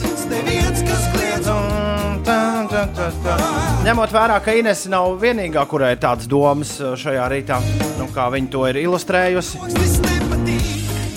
es būtu galīgi kuku, ja šorīt neuzliktu. Labs ceļavējš un maz ceļu remontu līdz Tallinai. Jā, Ines, un tev es novēlu, kā iekāpu mašīnā tā. Un līdz pat Tallinas tiešām ro- ceru, ka līdz pat- līdz-. Līdz pat Tallinas robežai. es ceru, ka šī dziesma palīdzēs arī pozitīvus darbiniekiem, kas tieši šobrīd ir ceļā uz Salzgrīvu. Lai viss jums tur, draugi, mīļie, pa pirmo. Eh, Ines, es vismaz stundu pirms Gans Rauzes sāku spēlēt estrādē. Jo tur mēdz būt milzīgs rindas. labi. Ja? Tad, uh, koncerts ir pusdeviņos, tev vēlākais 19.30 ir jāstāv rindā. Jā, labi. Uh, Dons un Dieviņš pirms tam Guns N' Roses šovakar leģendārajā amerikāņu rockeru spēlē Tallinā Sweet Child O' Mine. Pilnīgi piekrīt, raksta Arthurs Betmans. Velo sacensības ir ļoti skatāmas. Redzēju visus deviņus Tour de France posmus līdz šim. Visgarlaicīgākais bija astotais posms aizvakar, vistrakākais bija devītais posms vakar. Parīzes rubē bruģa atvieglotā versija. Skuiņš tikai sākumā maisījās pelotona priekšgalā. Lielāko sacensību daļu Toms atradās atpalīdzēja grupā un pumpaino kreklu nepazaudēja tikai tāpēc, ka posmā nebija kalnu punktu. Šodien atpūtas diena, bet rīt sāksies alpu posms, kur kalnu punktus sāks vākt lielie puikas. To man būs ļoti grūti saglabāt pumpaino kreklu. Paldies, bet mēs tagad zinām, mēs tagad zinām, ka viss, kas ir nepieciešams, ir pumpains krekls. Ulvis tev var paņemt arī nes līdzi. Pastāties, viņš piesakās. Varam aizvest uz koncertu, vēl autobusā ir pāris brīvas vietas. Bet Paskat, ir. vesels autobus. Tom, Inesē ir ar ko braukt. Bet tu varētu ar autobusu aizlaist. Ar šitādām kājām es neesmu galīgi nekād, kādas man ir šodien. Es ne, Pasēdēs pusdienu mašīnā. Nē, nē. Vai es biļetes ir teicis, ka velospēdu nevar ienest? Tu varētu, tu varētu uzstādīt to, kas uz Excuse vietas me. minās. Jā, excuse me, I have a condition. I need my bicycle. I want to ride my bicycle. Nē, nē. Es redzēju, gan draudzīs pirms 12 gadiem. Tieši slēdz, tad vēl, ar, vēl nebija salīdzināts mieru ar visiem. Bet man ir ļoti patīkams atmiņas palikušas no tās reizes. Pagaidām palikšu ar šīm atmiņām, un gan jau ka kādu citu reizi mūsu ceļš krustosies. Bet eh, kāds būs koncerts un kā būs gājis Inesai, to mēs klausīsimies principā visu rīta garumā, rīt no rīta starp 6 un 9. Ziņu vietā. Jā. Es varu tev ziņas sūtīt. No Alfrēdam ļoti viesnīcas. Alfrēds raksta, ka viņam ļoti patika fināls. Nu, futbolā. Uh, bang, bang, nolas man īziņa, insītē puķis, lai skaists koncerts. Bang! Bang. Paldies, paldies Alfred. Ui, 7,52 jau. Ineses geogrāfijas spēlē. Ui, tiešām. ilgiem laikiem. Il- Jā. ilgiem laikiem Ineses geogrāfijas spēle. Tā, aizveram špikerus, novācam kartes. Pēdējā geogrāfijas spēle mums beidzās ar nelielu konfliktu studijā. Es ceru, ka šoreiz tā nebūs. Nu, nu, nu. No, no, pastīsimies. Montevideo, Brazīlija, mazākā Eiropas valsts. Aiziet, Ah, par to mēs. aiziet, laiks jautājumiem. Esat gatavi? Ja? Jā, Cik grādu slīps ir Pīzes tornis? Oh. oh. Saņemiet! Vai būs balva par tuvāko? Nē, es tagad būšu barga. Nekādas, nekādas atlaides, nekādas priekšāteikšanas. Vargās kundzes. Kurš ir Latvijas vecākais rezervāts? Vecā. Vecākais rezervāts. Ļoti labi, ļoti labi. To šodien es atvēsēju, es maltu tik tālāk. Cik augsts ir Eifeļtornis? Eiffeltornis. Eiffeltornis augstums. Kurā valstī Eiropā uzbūvēja pirmo debesu skrāpi?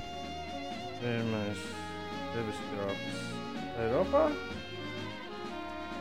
Un pēdējais jautājums - kāda jūra apskalo Horvātijas krastus? Jā. Um, Cerams, ka vismaz uz pēdējo jūs varēsiet atbildēt. Jā, tas ir jau.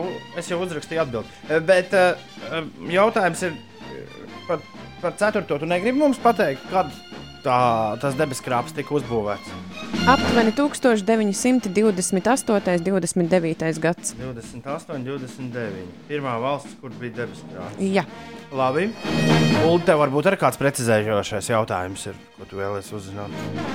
Nē, neizklausās, kā ir. Nu, nē. Es ceru, ka mums, mēs ņemam apaļus grādu, nu, tos skaitļus un eifeļa augstumu.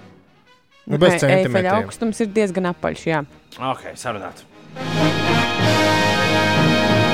Tagad laiks nelielai apdomai. Un uh, tūdaļ pat mēs būsim atpakaļ ar atbildēm. Ui, ko ātri dziesma beidzās. Uh, tas bija Denis Loits. Tas bija Denis Loits, tavā rītā radio. Un uh, tagad ir pienācis laiks uh, noskaidrot pareizās atbildes Ineses geogrāfijas spēlē. Ines geogrāfijas spēlē, spēlītē. Tā, tā, tā, tā. Spēlē, spēlē, spēlītē. Esat uzrakstījuši savas atbildes. Jā, tu zini, ka man te ir vēl. Vai jūs vēl mēģināsiet izdomāt, kamēr es lasīšu jautājumus? Mm, Man viens, viens ir vēl uz lielu jautājumu. Bet, nu, labi, laižam vaļā. Labi, tātad Ulim pirmais. ir daudz punktu, tāpēc viņš pirmais atbild. Tagad. Cik slīps ir Pīzes tornis? Cik grādu slīpumā? No. Es minu, ka 11. Es saku 25. Ārprāts. Sākotnēji tas esot bijis 5,5 grādu slīps, bet uh, visādu rekonstrukciju un mēģinājumu izlabot tā slīpuma rezultātā ir palicis 3,9. Nu, gandrīz 4 grādu slīps. Nu, re, abi, abi duraki. Jā, nu, 20 man liekas, ka ir diezgan par daudz. nu, jā. Nu, Kurš tālāk. ir Latvijas vecākais rezervāts, dabas rezervāts? Um, mēs būtu. Es pēdējā brīdī gribēju uzlabot, u- uzlabot Uzlabot. atbildi uz Gaujas Nacionālā parka, bet vai tas ir rezervāts? Tad es tur, jo mēs par šito kaut kad ar Uldi tieši tērgājām. Jā. Par tiem, tāpēc es jā, ņēmu, pieturos pie klasikas, un man ir slīters rezervāts. Uldi? Es esmu ierakstījis teiču. Ha! Nevienam nav pareizi. Oh. Morits savs rezervāts. Un es gribēju mainīt. Jā, tas ir dibināts 1912. gadā. Bet, bet eh, Gaujas parks nav rezervāts. Jā, tad, tad pareizi. Tā- to es izdomāju, tad, tad ok, jā, Jā. Cik augsts ir Eifeļa tornis? No Uldi? O, 200, 300, 114. Ko? 114 metri. 390 metri. Ui, tuvu, bet nepareizi. 300 metri. Kā man Nulēm. patīk. Nekas, šitas tev pāries. Šis pat nebija, šis pat nebija dzirdēts. Nu, labi, nu, nu, nu tālāk. Kurā valstī uzbūvēja Eiropas pirmo debesu skrāpi? Oh. Vācija. Man ir rakstīts Nīderlanda. Man nekas nebija rakstīts, bet es uh, savā galvā meklēju atbildi. Es saku Vāciju. Es arī slēdzos uz Vāciju, bet tad es izdomāju par Es visu laiku Vācijas domāju vēsturi. Tās ir jūsu galējās atbildes, Es par? Angliju un Franciju sākumā domāju, bet es palieku pie Jā, Vācijas. es palieku pie Nīderlandes, jo viņam bija tur visādi tirzniecības mm. -hmm.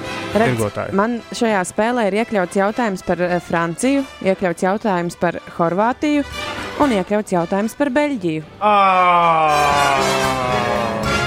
Jā. Tā ir 96 metri, 26 stāvi Beļģijā, Antverpenē. Oi! Oi!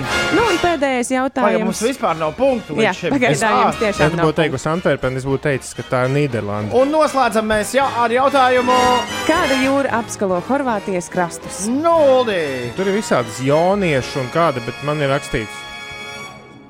Jā, un Tomam?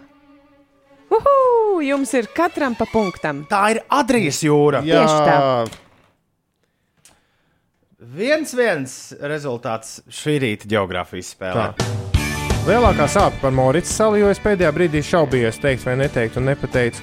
Un par Nīderlandes debeskrāpu, jo uh, Antverpene ietilpa tajā, nu, tajā vēsturiskajā, tajā visā stāstā, Jā, ko es punktu biju iedomājies. nedabūt, vari necensties pat. Lielākā daļa domāja par. Par arī, slīteri, arī, ja? arī klausītāji domāja par apvienoto karalisti. Ah, Nu, par uh, debeskrāpu. Bet vai tā ir Eiropa? Tur var tad diskutēt.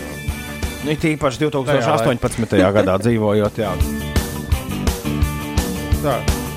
Šis būtu ļoti labs jautājums, ko uzdot uh, Trumpam. Trumpa kungs, sakiet, kā jums šķiet, Lielbritānija ir Eiropa vai nav Eiropa? Tu dzirdēji, ko viņš stāstīja par Lielbritāniju, vai Angliju, vai apvienoto karalisti? Nē, Viņš teica, ka jums ir ļoti forša valsts, nu, brīvs atstāsts. Bet apmēram tāds arī izklausījās. Jums ir ļoti forša valsts, ju- mums, mums ar jums ir daudz tirzniecības visādas.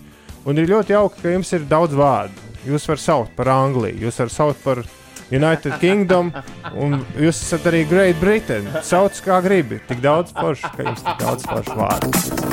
tas bija tas galvenais. uz, uzre, uzreiz nekādu mērīgu nedabūju sejā. ir divas minūtes pār astoņiem. Ir pirmdiena, 16. jūlijas. Dzīve un vasara un, uh, un festivāli un, un dēļas līdz rītam un, un, un sāpoši papēži. Viss turpinās. Dzīve sit augstu garu. Today very lucky. Congratulations me!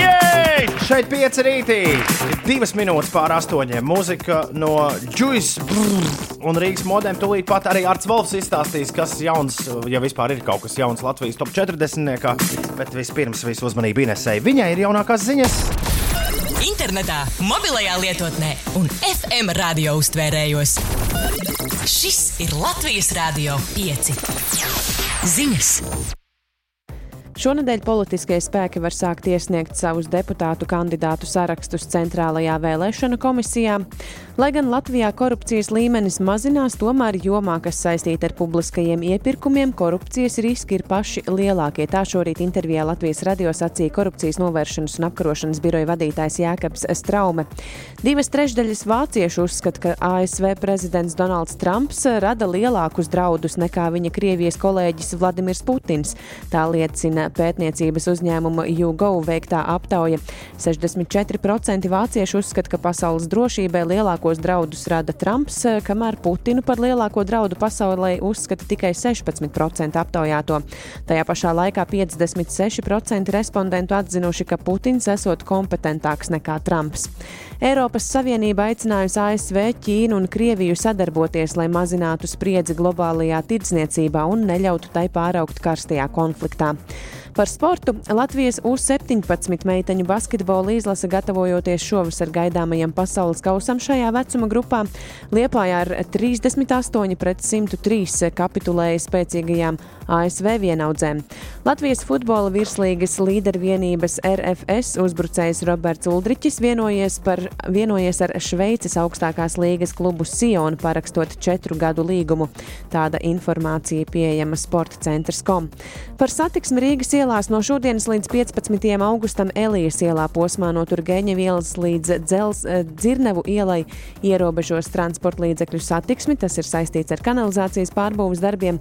Un vēl no šodienas līdz jūlija beigām būs slēgta transporta līdzekļu satiksme Matīs ielā pie ēkas Brīvības ielā, eh, Brīvības ielā 90, tur aizvien labo tramvajas sliedes. Un par to, kas notiek šobrīd galvaspilsētas ielās, Baltika Maps ziņo, ka 9 minūtes ir jākavējas Maskavas ielas pagriezienā uz Slāvu ielu. 5,5 minūtes kavēsies Kārļa Ulmaņa gatvē, vienības gatvē teju 5 minūtes jāierēķina ceļā, A7 posmā Kroksils baložu pagrieziens 5,5 minūtes jāpavada un citās ierastajās sastrēgumu vietās jārēķinās ar papildu 2 līdz 3 minūtēm. Par laika apstākļiem Latvijā šodien mainīgs mākoņu daudzums vietām galvenokārt dienvidos gaidāms īslaicīgs lietus, pērkona negaiss un iespējama arī krusa. Šodien maksimālā gaisa temperatūra plus 27, plus 30 grādi. Rīgā neliels mākoņu daudzums bez ievērojumiem nokrišņiem un pat laban pūš ziemeļu ziemeļaustrumu vējš 2 līdz 5 m2 un gaisa temperatūra Liepājā plus 19 grādu, Jelgavā 21, Rīgā plus 22 un citviet plus 20 grādu silts. Halo, Latvija! Rīga, Madona, Kulīga, Liepāja! Latvijas radio rada un raida kopš 1925. Mm, pirmdiena. Nekas. Drīz būs brīvdienas. Un brīvdienās no 9 rītā 5 LV ēterā Linda Samsonova.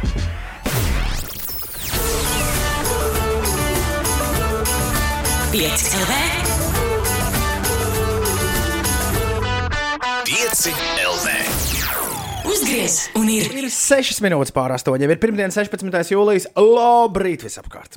E, Aizdītajā nedēļas nogalē es dzīvojos pa, dzīvojos pa šī to Latvijas galu. Es rādu, rādu kartē. Jā. Kartē Inesēju un Uldim. Sākām, sākumā mēs aizbraucām uz Kolku, tad mēs bijām Irbenē pie teleskopa, tad palikām pa nakti Jūrkalnē, tad, tad, tad padzīvojāmies pa Vēnspili, līdz beidzot bija, bija jāuzstājas Vēnspilī. Un tad, kad šis piedzīvojums noslēdzās ļoti agrās svētdienas rīta stundās, es aizvedu Magnusu uz vietu, kur man reiz ierādīja leģendārs kurzems diskžokejs uh, DJs Vento. Reiz pēc mūsu šķiet kopīgas, kopīgi pavadītas nakts uh, arī kādā no Vēncpils klubiem. Uh, Vento teica, to mēs tev aizvedīšu. Es tev, es tev parādīšu, kur visi iet pēc balītēm. Un uh, visi tic vai nedodas uz autoostu. Jo autoostā ir kafejnīca, kas darbojas visu diennakti. Un nes kāpēc autoostā ir. Nu, Šajā kafejnīcā ir pieņemts pēc kārtīgas balītes ēst tādas milzīgas, milzīgas karbonāžu porcijas. Kāds kungs un šajā, šajā gadījumā šis rīts pēc, uh, pēc jūras svētkiem bija ļoti pieprasīts. Mēs knapi dabūjām galdiņu uh, kafejnīcā. un uh, Magnus sēž rīksti, mēs neēdām karbonādes, Magnus sēž rīkstiņus un es ēdu čipsus.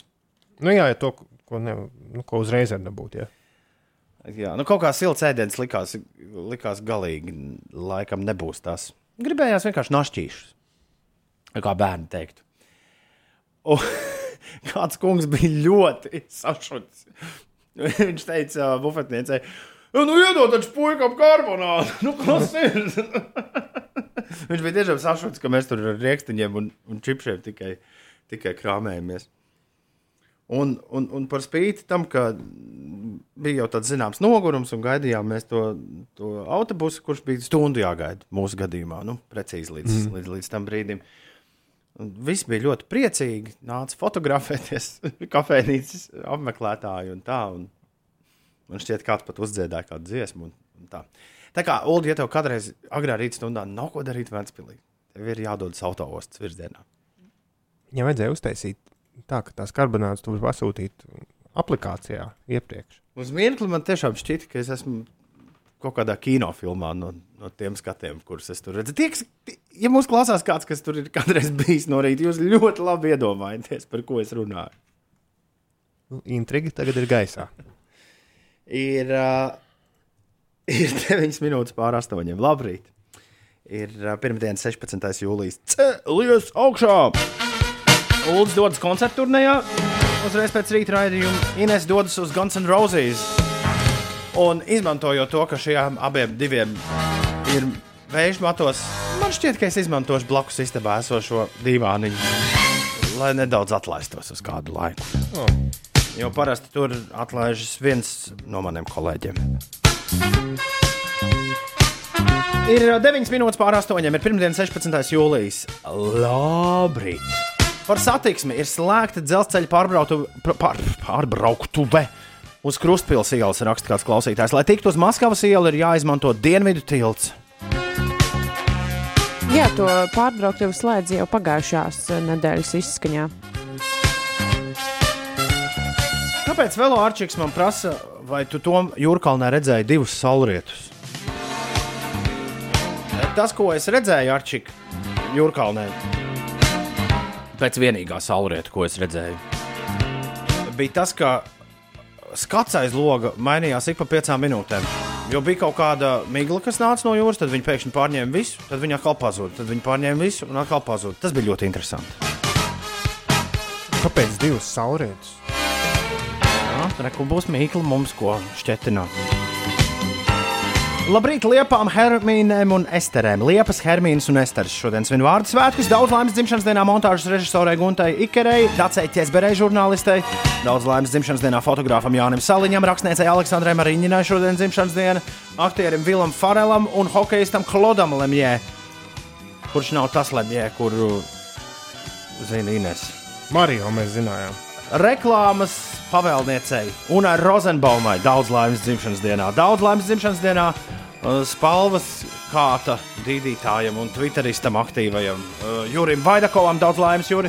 Uh, Daudz laimes šodien dzimšanas dienas svin arī aktrise Lelda Vikmane un no pienvedēju piedzīvojumiem Pēters Lundē šodien svin dzimšanas dienu.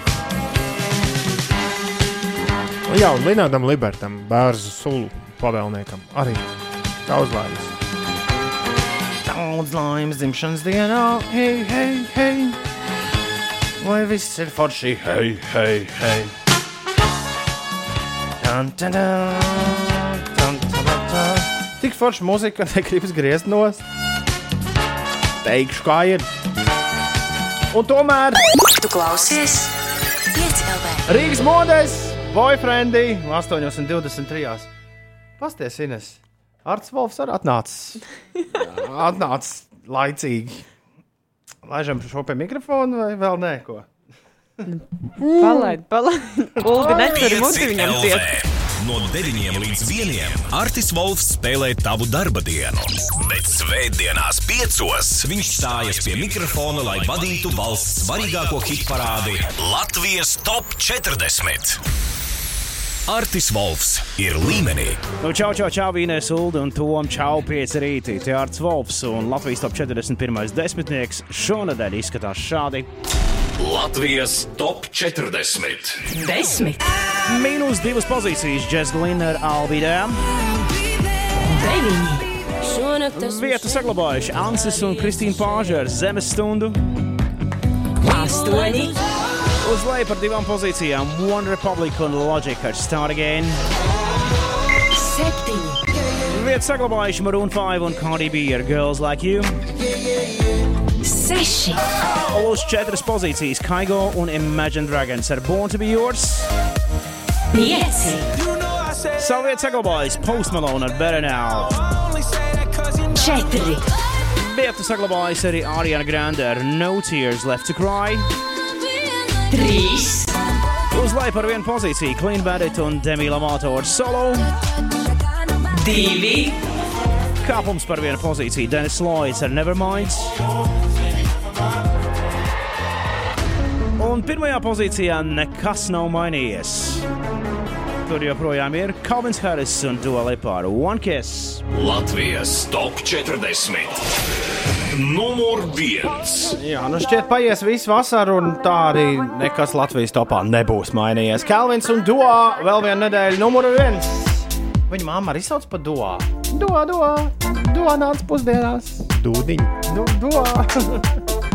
Kalvins Harris un Dolipā joprojām numur viens Latvijā ar One Kiss. Tūlīt pat būs gaisā vai aizā, un gaisā vai aizā šo piekdienu ir lielais finišs. Šo piekdienu mēs zināsim, kura dziesma ir uzvarējusi gaisā vai aizā 2018. gada pirmajā sezonā. Un ļoti iespējams, visticamāk, tā būs šī dziesma. Tas šķistu tā loģiski. Jo, jo viņiem joprojām ir vairāk uzvaru. E-punkts uz Slimsvītra gaisā 1,8. 1,8 jāraksta ir ar, ar cipariem. Kamēr Inês lasīs ziņas, iztukojam kārtīgi. Kam šodien ir jāatgriežas? Ui, kā es gribētu. Es drīkstu, Ulu, pastāstīt, ko es gribētu. No. Es gribētu, lai vēl Gunārs ar Kirovu dabū uzspēlēt Pretty fast. kādu setu. Time is running. Nu, lai ir, lai ir iespēja šo Think dzirdēt. they thank big hockey family for this Es ļoti moment. gribētu dzirdēt, uh, it kā viss ir labi. Kristīna Zakalovsku. Jā, tā ir vienīgais skandarbs, ko es esmu vairākas reizes atskaņojis ārpus radio. Tomēr viss ir slikti. It kā viss ir labi, tas labi sanāk. It kā viss ir labi, tas labi sanāk. It kā viss ir labi, Mm, Ines, tomēr mm, vēl nav cerība zudus, ka, ka saldējs varētu atgriezties. Maza es saldējs un man patīk meitenes, kuras pasaules draudzenes, jo es saldēju. DJs kilograms un dominē. Mums ir bijušas tik daudz brīnišķīgas dziesmas šogad. E-punkts uz slīpsvītra gaisā 18. Jau pavisam, pavisam drīz kāds no jums izvēlēsies vienu dziesmu, kur šodien atgriezīsies un stāsies pretī Edžam Niknējam un Šālem, vai ne? Viņi ir gaisā kopš piekdienas. Ir pusdeviņi no rīta, ir pirmdienas 16. jūlijas gaisā. Jā, vai aizā? Vā, Uzreiz pēc ziņām. Inês, Jā. vā- vārds tev. Internetā, mobilajā lietotnē un FM radio uztvērējos. Šis ir Latvijas Rādio 5. Ziņas! Lielākos korupcijas riskus korupcijas novēršanas un apkarošanas biroja priekšnieks Jēkabs Straume saskata iepirkuma jomā. Tā intervijā Latvijas radio Straume norādīja, ka izmeklēšana notiek, bet tām ir nepieciešams ilgāks laiks. Vērtējot korupcijas situāciju valstī kopumā, Knapa priekšnieks uzskata, ka tā samazinās turpinājumā Straumes komentārs. Tur pavisam noteikti tomēr ir iesaistīti lieli finanšu līdzekļi, valsts un Eiropas Savienības fondu līdzekļi. Skaidrs, ka nu, tur amatpersonām ir nu, tā, saka, lielāks kārdinājums, lai viņiem pasliktēta kāja un tiktu iesaistīti koruptīvās attiecībās. Nu, ticiet man, birojas strādā un gribu norādīt, ka tās amatpersonas, kuras ir iesaistītas šādos nodarījumos, agrāk vai vēlāk, mēs tiksim skaidrībā. Jā, šeit korupcijas novēršanas un apkarošanas biroja priekšnieks Jēkabs Straume runāja par iepirkumu jomu Latvijā. ASV ir noraidījušas Eiropas Savienības aicinājumus nepiemērot sankcijas Eiropas uzņēmumiem, kas tirgojas ar Irānu. Eiropas Savienības dalību valstīm adresētā vēstulē ASV valsts sekretārs Maiks Pompeo norādījis, ka nevar piemērot izņēmumus Eiropas uzņēmumiem, jo vēlas izdarīt uz Irānu maksimālu spiedienu. Pompeo uzsvēris, ka izņēmumi tiks piemēroti vienīgi īpašos gadījumos, ja tas nāks par labu ASV nacionālajām interesēm. Helsinkos notiks ASV prezidenta Donalda Trumpa un Krievijas prezidenta Vladimira Putina tikšanās, ko uzskata par nozīmīgāko abu valstu līderu tikšanos kopš pagājušā gadsimta 90. gadiem. Paredzams, ka šai samitā līderi apspriedīs Krievijas un ASV attiecību pašreizējo stāvokli un turpmākās izredzes eh, skarot tādus eh, tematus kā Sīrija, Ukraina, līgumi bruņojuma kontrolas jomā un aizdomas par Krievijas iejaukšanos ASV vēlēšanās. Vēl pašmājās no šodienas līdz sestdienai Salkrastos norisināsies starptautiskais džēza mūzikas festivāls Saulkrasti Jazz. Visu nedēļu festivālā paredzēti ik vakara brīvdabas koncerti, kuros piedalīsies džēza meistari gan no Baltijas valstīm, gan Austrijas, Francijas, Polijas, Ungārijas, Izraels un Armēnijas. Sports! Latvijas futbolists Denis Rakels ir pievienojies pašmāju klubam Rīga, tā informē vienība. Francijas futbola izlase otro reizi vēsturē izcīnīja pasaules kausu. Turnīra fināla mačā Francijas futbolisti ar rezultātu 4 pret 2 uzvarēja Horvātijas valsts vienību, un par pasaules kausa labāko spēlētāju tika atzīts Horvātijas valsts vienības pussargs Luka Modričs. Satiksme. No šodienas līdz 15. augustam Elijas ielā posmā no Turgeņeva ielas līdz Dzirnavu ielai ierobežos transporta līdzekļu satiksmi. Tas ir saistīts ar kanalizācijas pārbūves darbiem. Vēl līdz jūlija beigām būs slēgta transporta līdzekļu satiksme Matīs ielā pie ēkas brīvības ielā 90. Tur aizvien labo tramvaja sliedes. Un par to, kas notiek šobrīd galvaspilsētas ielās, Baltika Maps ziņo, ka uz ceļa A7 posmā Kroksils baložu pagrieziens ir 11 minūšu kavēšanās, 6 minūtes jāierēķina papildu ceļā braucot pa Kārļa Ulmaņa gatvi, 5 minūtes pavadīsiet Maskavas ielas pagriezienā uz Krasta ielu, tāpat arī Maskavas ielas pagriezienā uz Slāvu ielu. Vēl 4 minūtes jāierēķina ceļā vienības gatvē Lubānas ielā tāpat un Bauskas ielā citvieta 2 līdz 3 minūtes ceļā. Laika ziņas. Šodien Latvijā mainīgs mākoņu daudzums vietām galvenokārt dienvidos, gaidāms īslaicīgs lietus un pērkona negaiss, iespējama arī krusa. Maksimālā gaisa temperatūra plus 27, plus 30 grādu. Rīgā neliels mākoņu daudzums un diena bez ievērojumiem nokrišņiem pat laban pūš ziemeļu, ziemeļaustrumu vējš 2 līdz 5 m2 un gaisa temperatūra šobrīd Liepājā plus 19 grādu, Ventspilī 20, Jelgavā plus 21, Rīgā 20. 22 un Valmierā Rēzaknē Daugopilī plus 20 grādu. Uzmanību! Piecēlvē mobilajā lietotnē un mājaslapā jauna radiostacija. Krimināli ekscelents radiofons. Pirtī upes malā somu pirts, pirtī kļūstu jauns un jauna sirds. Tas nekas, ak tas tik tā, tas tik tādā klusumā. Tāpēc jau, ka nevar zināt, kāpēc. Latviešu estrādes esence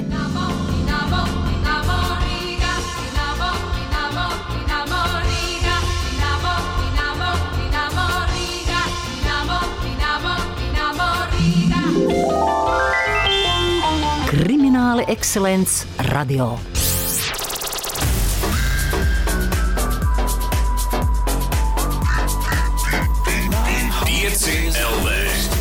Uzgriez un ir! Labrīt, ir 8,36. Gaisā vai aizā?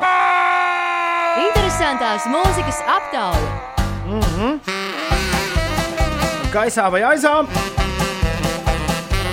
Pagājušā piekdiena, jā, pagājušā nedēļa mums nu, ir finiša sprints ieviesis korekcijas godu piedestālā. Šobrīd Pārliecinošā pozīcijā numur divi ir dziesma, kur palika arī piekdienas gaisā.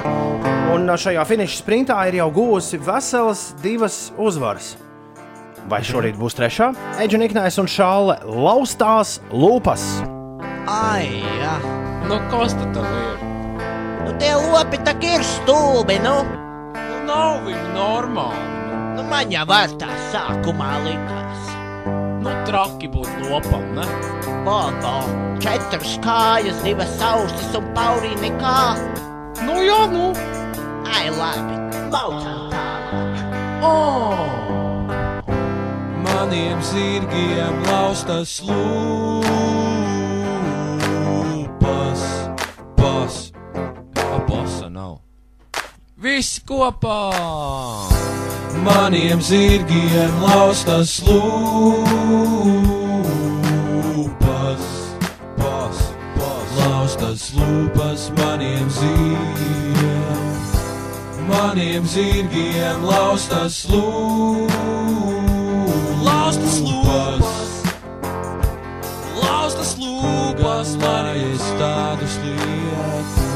Maniem zirgiem laustas lūpas lūpas maniem zirgiem. Laustās lūpas. Prikoļna. Jā. Nu, vairs tikai divas uzvaras līdz uh, Zaķīšu pirtiņai šķir Edžu un Šāli.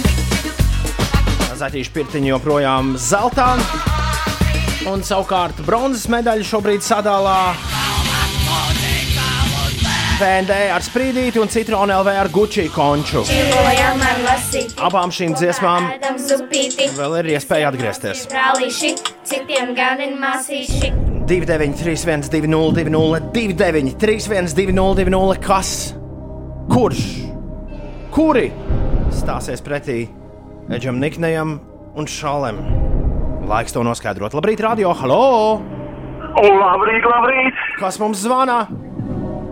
Tas ir Mārtiņš. Maziņš? Mārtiņš. Mārtiņš! Mārtiņš! Maziņš Nav- Mārtiņš. Nav maziņš, Mārtiņš. Mārtiņš liels ir. To var dzirdēt pēc, pēc balss. Mārtiņ, mēs tev uzliekam soļa mantiju, tagad uzliekam parūku.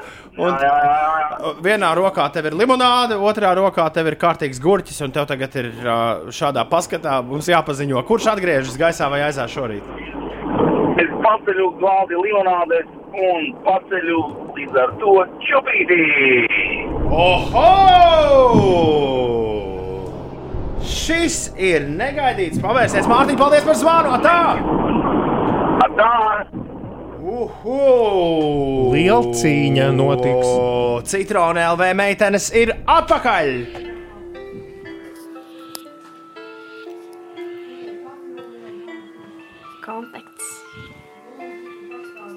Yeah!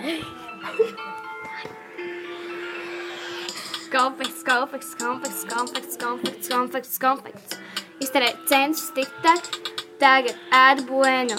Rokās man ir čupītis, brokastīs man zupītis, jūrā peldaus lasītis, blakus man ir brālītis. Konfekts, konfekts, konfekts, konfekts, konfekts, konfekts, konfekts. No končām būs man diabetes, no zupas kaut kas kaut kad būs. Bieži eju uz veikalu, tagad presīt aizbēgus, hesīts mani ciemos ūt, hamburgers uz galda dūrs. Konči būs, konči būs, konči būs, konči būs, konči būs, konči būs, konči būs. Konči būs tavā kabatā, pēc tam dziļi vadārā. Saldā būs no iekšpuses, kā sainā no ārpuses. Konfektes ir saldēnas, zupiņa kā lasītis. Zupiņa, zupiņa, zupiņa, zupiņa, zupiņa, zupiņa, zupiņa. Sāļa ir kā lasītis, novērtē to brālītis. Končas noslīgs vēdarā, zupiņa man podiņā. Kaķis nav man virtuvē, tagad esam jūrmalā. Lasis, lasis, lasis, lasis, lasis, lasis, lasis. Čilojam ar lasīti, kopā ēdam zupīti. Visiem mums ir brālīši, citiem gan ir māsīši. Naudas nav mums čupīti, tāpēc ēdam zupīti. Metam gaisā vai grūžam aizā! Interesantās mūzikas aptauja. Katru rītu apmēram pēc pusdeviņiem. Noslēdzošā nedēļa pirmajā sezonā. Interesantās mūzikas aptaujā gaisā ā, vai aizā. Rā! Un šorīt Edžers Niknēs ar šāli. Laustās lūpas pret citronu LV grāvēju Gucci konču. Labrīt, radio, halo! Labrīt! Cīnāmies līdz divām uzvarām, un pirmo uzvaru šodien un gaisā metienu dabū kas? Eģus! Eģus Niknais! Eģus ar lopiem, jā, jā, Ar, tā. ar visu šāli, kā tevi sauc? Tu, Eģiņ, tas tu? Ralfs, Ralfs, nē, Ralfs, tas- Ralfs zvana. Ā, tas nav Eģiņš. Maniem zirgiem laustas lūpas, pas, pas, laustas lūpas maniem zirgiem. Jā, Eģiņš nepadodas. Eģiņš un šāli nepadodas. Labrīt, radio, halo! Labrīt, radio, halo! Labrīt! Labrīt, kas mums zvana? Ingvars! Ingvars! Ui! Tas ir bijis. Nu, ko? Tas parasti ir. Gucci, Gucci, Gucci gang, kā tur bija, metam aizā. Ko, ko, ko tu met gaisā? Tas mums interesē. Metam, metam aizā to, to gucīgāku. Ko mēs metam gaisā? Eģu, eģu metam gaisā. Eģe iet gaisā, skaidrs. Tiem zirgiem laustas lūpas, pas, pas, laustas lūpas maniem zirgiem. Likās, ka būs interesanti, bet Maniem zirgiem laustas lūpas. vienīgais, kas ir interesanti, ir tas, ka tagad uh, tikai vienas uzvaras attālumā līdz zaķīšu pirtiņai ir Eģe un Čāla. Nu, un Gucci meitenēm Dzīvojam ar lasīti, kopā ēdam zupīti. paliek tikai zupiņi. Ir brālīši, citiem gan ir masīši, naudas nav mums čupīti. Citrona LV aizā iekšā, un meitenes ir noslēgušas savu sezonu, jo otrais atgriešanās vairs nav iespējams. Viņas paliek tur, kur bija. Šobrīd vēl pagaidām bronzā ar piecām uzvarām. Jā, mazliet žēl, meitenes, bet bronza ir ļoti labi. Jā. Paskat, kā Anglija pat, pat futbolā pat to nedabūja.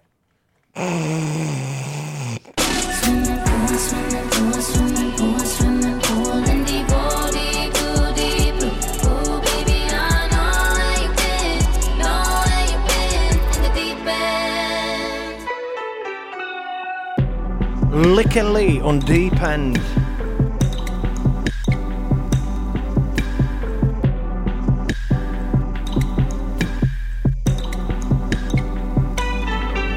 Ines un Ulu, jūs zināt, ko man atgādina šis liks līdz dziedājums? Viņš man atgādina The Mystery of Bulgarian Voices. Jūs kādreiz esat ar, ar šo saskārušies? Nē, tā ir pilnīgi mistērija. Mm, Tās ir, tās ir bulgāru dāmas, kuras akapelā dzied. ā, mm, Es teiktu, kosmiski skaisti. Un interesanti, ka DXX bija pirmie, kuri atrada šīs dāmas un publicēja vienā savā blogā pirms kādiem gadiem, sešiem, septiņiem.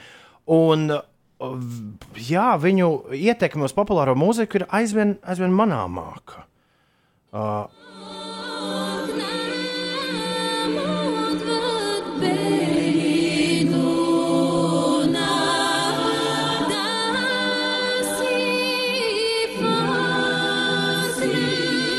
Tas esmu tikai es, vai, vai kāds vēl arī jūt, ka te kaut kas ir uz to pašu pusi.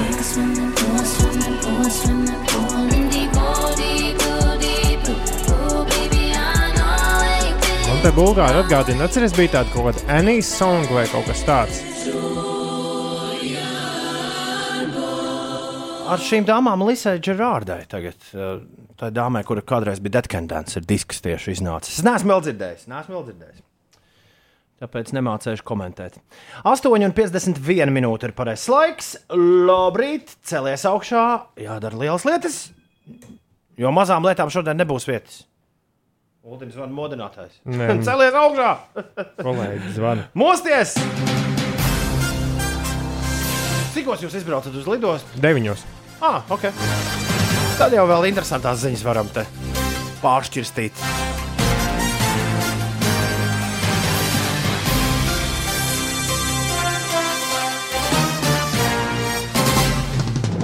Interesantas ziņas!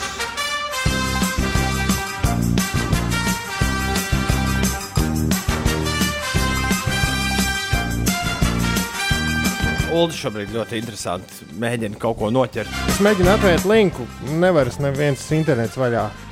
Līdz ar to pirmā bonus ziņa iespējams nemaz nebūs. Pagājušajā nedēļā Instagram pēkšņi kļuva par kaut ko līdzīgu mazliet piemirstajam ask.fm par jautājumu atbildžu platformu. Ienesēs, starp citu, ļoti labi sanāca. Atbildēt uz visādiem jautājumiem. Jā? Jā. Tur viss kaut ko interesantu izlasīja. Ah, ah, es sapratu, par ko tu runā. Pēc tam, kad Instagram savā stāstījuma stāstījuma sadaļā ieviesa iespēju ierakstīt jautājumu šajā lodziņā, gandrīz visi pamēģināja šo attrakciju. Dažiem tas, es neesmu to vēl izdarījis, ja kas. Dažiem tas padevās labāk, piemēram, Inesai, dažiem nepārāk, bet kā raksta portāls Mashable.com, ne visi ir sākotnēji līdz galam izpratuši, kā šie jautājumi darbojas. Daudz patiešām salīdzinājuši šo ar ASKFM vai Formspring.com, taču nav piefiksējuši nelielu atšķirību. Instagram piedāvātajā jautāšanas iespējā. Instagram jautājumi nav anonīmi. Oh, tad tu zini, kur, tad tu zini Jā. kura jautājumu es uzdevu. Zinu, gan. Ā! Precīzāk, publiski nav redzams, kas jautājumu uzdevis, taču pats jautājuma adresāts redz, kurš to jautā. Jā. Jau drīz vien pēc jautājuma vētras sākumā Twitterī parādījās ziņas. Tā, es tikko uzzināju, ka jautājumi nav anonīmi. Es vienkārši izdzēsīšu savu kontu un visu, vai arī pasakiet man, kāpēc es iedomājos, ka Instagram jautājumi ir anonīmi. Īstenībā es arī no sākuma domāju, Un te es vienkārši sēžu un jautāju cilvēkiem, kāpēc viņi ir tik neglīti. Noskaidrots, kāpēc pusfinālā no futbola pasaules kausa izlidoja Anglija, kas ar 1 pret 2 piekāpās sudraba medaļas īpašniecei Horvātijai. Izrādās, vainīgs ir. I can get no satisfaction. Miks Džegers!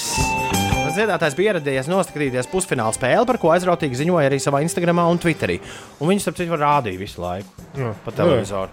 Bet vairāk futbola vēstures zinātnēji piefiksējuši, ka Rolling Stones solists bijis klāts gandrīz visās pēdējā laika lielākajās Anglijas komandas sagrāvēs, un tāpat palīdzējis arī citām komandām, kam jūtas līdzi. Piemēram, 2014. gadā Džegers kopā ar savu dēlu Lukas, kur māte ir brazīlieta, bija devies just līdz Brazīlijai, kur tieši to vakar piedzīvoja graujošo zaudējumu Vācijai ar 1 pret 7. Tāpat Miks bija klāts 2010. gada Eiropas čempionātā, kad Anglija ar 1 pret 4 zaudēja tai pašai Vācijai. Tagad tas nosaukts par Džegera lāstu, bet futbola fani jau štuko, kā uzdāvināt Džegeram biļetes uz pretinieku spēlē. Interesanti, ka Džegers šķiet vienīgais, tāpat kā Fasbinders Wimbledonā. Vienīgais, kurš nu, no po- popkultūras, kurš tā tiešām redzami apmeklē pasaules čempionātu. Izņemot pop politiķus, bet nu, te jau nav popkultūra. Paklavīnēs šis izklausās pēc kaut kā tāda, ko mums vajag arī Latvijā. Kaut kāds matraču tirgotājs vārdā Kaspars, kas tirgojot gultas lietas, pērn sasniedzis 600 miljonu dolāru apgrozījumu, bet tagad viņi izdomājuši, kā tirgot pašu miegu. Oho. Blakus savam Ņujorkas veikalam Kaspari atvēruši diendusu veikalu. Patiesībā tā ir maza viesnīciņa, kaut kas līdzīgs tai kapsulu viesnīcai, ko Ulrichs redzēja Maskavā, un kas man šķiet, ka es tur augu no Tokijas tam visam.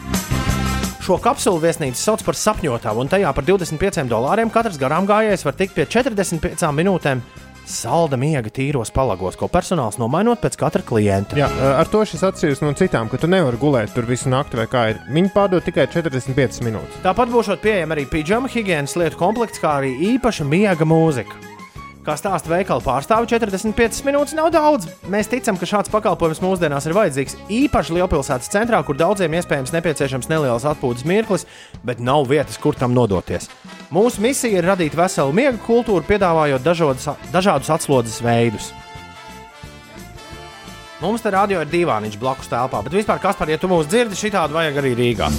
Mēs pirmie trīs klienti, re, kur tev jau ir. Pagājušajā nedēļā stāstījām par kustību Lielbritānijā, kas mēģināja uz Trumpa vizītes laiku pagājušajā nedēļas nogalē dabūt oficiālā UK Top 40 pirmajā pozīcijā Green Day kompozīciju American Idiot, kas, lai gan radīta Džordža Buša laikā, esot tikpat vai pat vēl aktuālāk arī šodien. Trumps jau ir devies tikties ar Voldemortu Putinu, bet, bet mēs tik paskatīsimies, kāds šonadēļ izskatās Lielbritānijas oficiālais single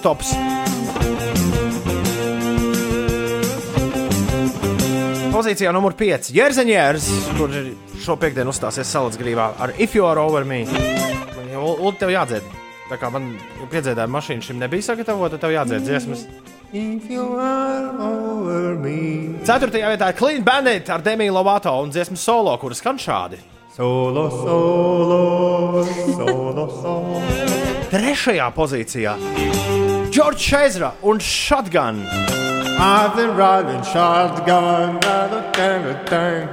Es zinu. Un otrajā vietā ir Green Day. Viņi tikuši uz otro. I wanna be American idiot. Un numur viens. Viņi ir atpakaļ. Bodyels, Skinners un Lightning Seeds. Three Lions. It's coming home, it's coming home, it's, It's coming, coming, football's coming Or just home. some footballists with the fourth place prize. Bet kāds arī rakstīja, nu, īstenībā viņi, viņi jau, nu, nekur nav teicis, ka tam ir būtu jābūt zelta medaļai, kas brauc. Viņi labi nostartēja. Un, Negaidīt labu Jā. nostartēju. Negaidīt labu andēlu arī visi nu, ar futbola atribūtiku un, un, un, un, un atsvaidzinājumiem saistītie biznesa ieguva, vai ne? Un garstāvoklis arī nedaudz labāks Jā. visai nācijai. Bet es vakar noskatījos ļoti aizraujošu video par to, kāpēc Francija tik labi nostartēja. Zini, cik Francijas, Francijas futbola skolas pārstāvi bija šajā čempionātā? No? 21 Francijas komandā un 29 citās komandās. Ko tas nozīmē? Uh, Tie, fi- kas ir mācījušies Francijā spēlēt. FIFA ļauj, ja tev, mamma, nu, ja tev vecāki ir marokāņi, tad drīkst pārstāvēt Maroku. Līdz ar to no Francijas nāk 50 futbolistu, visvairāk futbolistu. Nākamā ir Brazīlija ar 28 futbolistiem. Jo viens Brazīlis ir Krievijā. Respektīvi, 50 futbolisti ir auguši, mācījušies, trenējušies Francijā no visiem. Lūdzu, lūdzu, lūdzu, varbūt mums tur arī jāsūta savējie jaunie spēki. Tur baigi aizraujoši. Viņi uztaisīja veselu akadēmiju pēc otrā pasaules kara, un tur ar imigrāciju tas ļoti saistīts garš stāsts. Rīt no rīta Ulu es tev modināšu Maskavā. Nu, labi. Un, Ah, tur tas un, Ines, un Ines stāstīs visu par Guns N' Roses. Ja es būšu laikus atpakaļ. Es ļoti ceru, ka tu man ierunās mazus audio zīmītas dienas gaitā Es arī ceru. Par saviem piedzīvojumiem. Lūdzu, lūdzu, lūdzu, Ines, nu, lūdzu, lūdzu, lūdzu. Nu, labi. Nointervē hokeja puikas un tādu.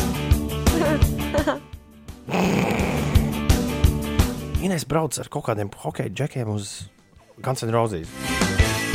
Skaidrs ka, skaidrs, ka mēs esam uztraukušies. Ah. Nē, es jau, es jau nebraucu viena, es braucu ar savu labāko draugu. Visu labu! Ā, Ā, tā! Beidz taisnoties! Tas ir, tā, taču ir viena no lietām, Ines, ko Ulrichs vienmēr ir teicis, kā raidījuma producents. Nekad nevajag taisnoties. Es netaisnojos, es stāstu taisnību. Atceries, uh, kā teica. Bet tas ir viens un tas pats. Atceries, Nav kā teica, kā teica pavasarī. Ārkārtīgi svarīgs ir iemetiens. Okay. Ok, jā. Un, ja kas grūti bortā, Ko grūti? Tos hokeistus, jā?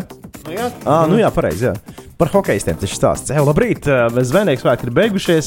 Festivāla laiks ir klāts. Šonadēļ vienos festivālos. Kaut gan pagājušajā Šodien nedēļā ir Pēterim Lundam dzimšanas diena, un es neuzliku, ne, soundpoets mums bija, bet es neuzliku Pienvedējs. pienvedējus. Tā kā tev ir, sāksim ar to, ka tev ir pirms vēl festivāla pienvedēji normāli jāuzspēlē šodien. nu, tas pirmdienas pirmdienas viens no svarīgākajiem darbiem. Kaut kas no, nu, no veciem labiem. Nu, labi, labi sarunāts. Mēs tiekamies rīt, lai visiem fantastiski pirmdiena un sveiciens no Ārņa. Viņš rekur raksta. Labrīt, sveicieni piecīšiem un ievai. Nu tad ieva, lai tev šodien Laba. viss riktīgi feini un tā. Labi, čau, Ulu, čau, Ines, Čau. līdz rītam. Atā. Internetā, mobilajā lietotnē un FM radio uztvērēju.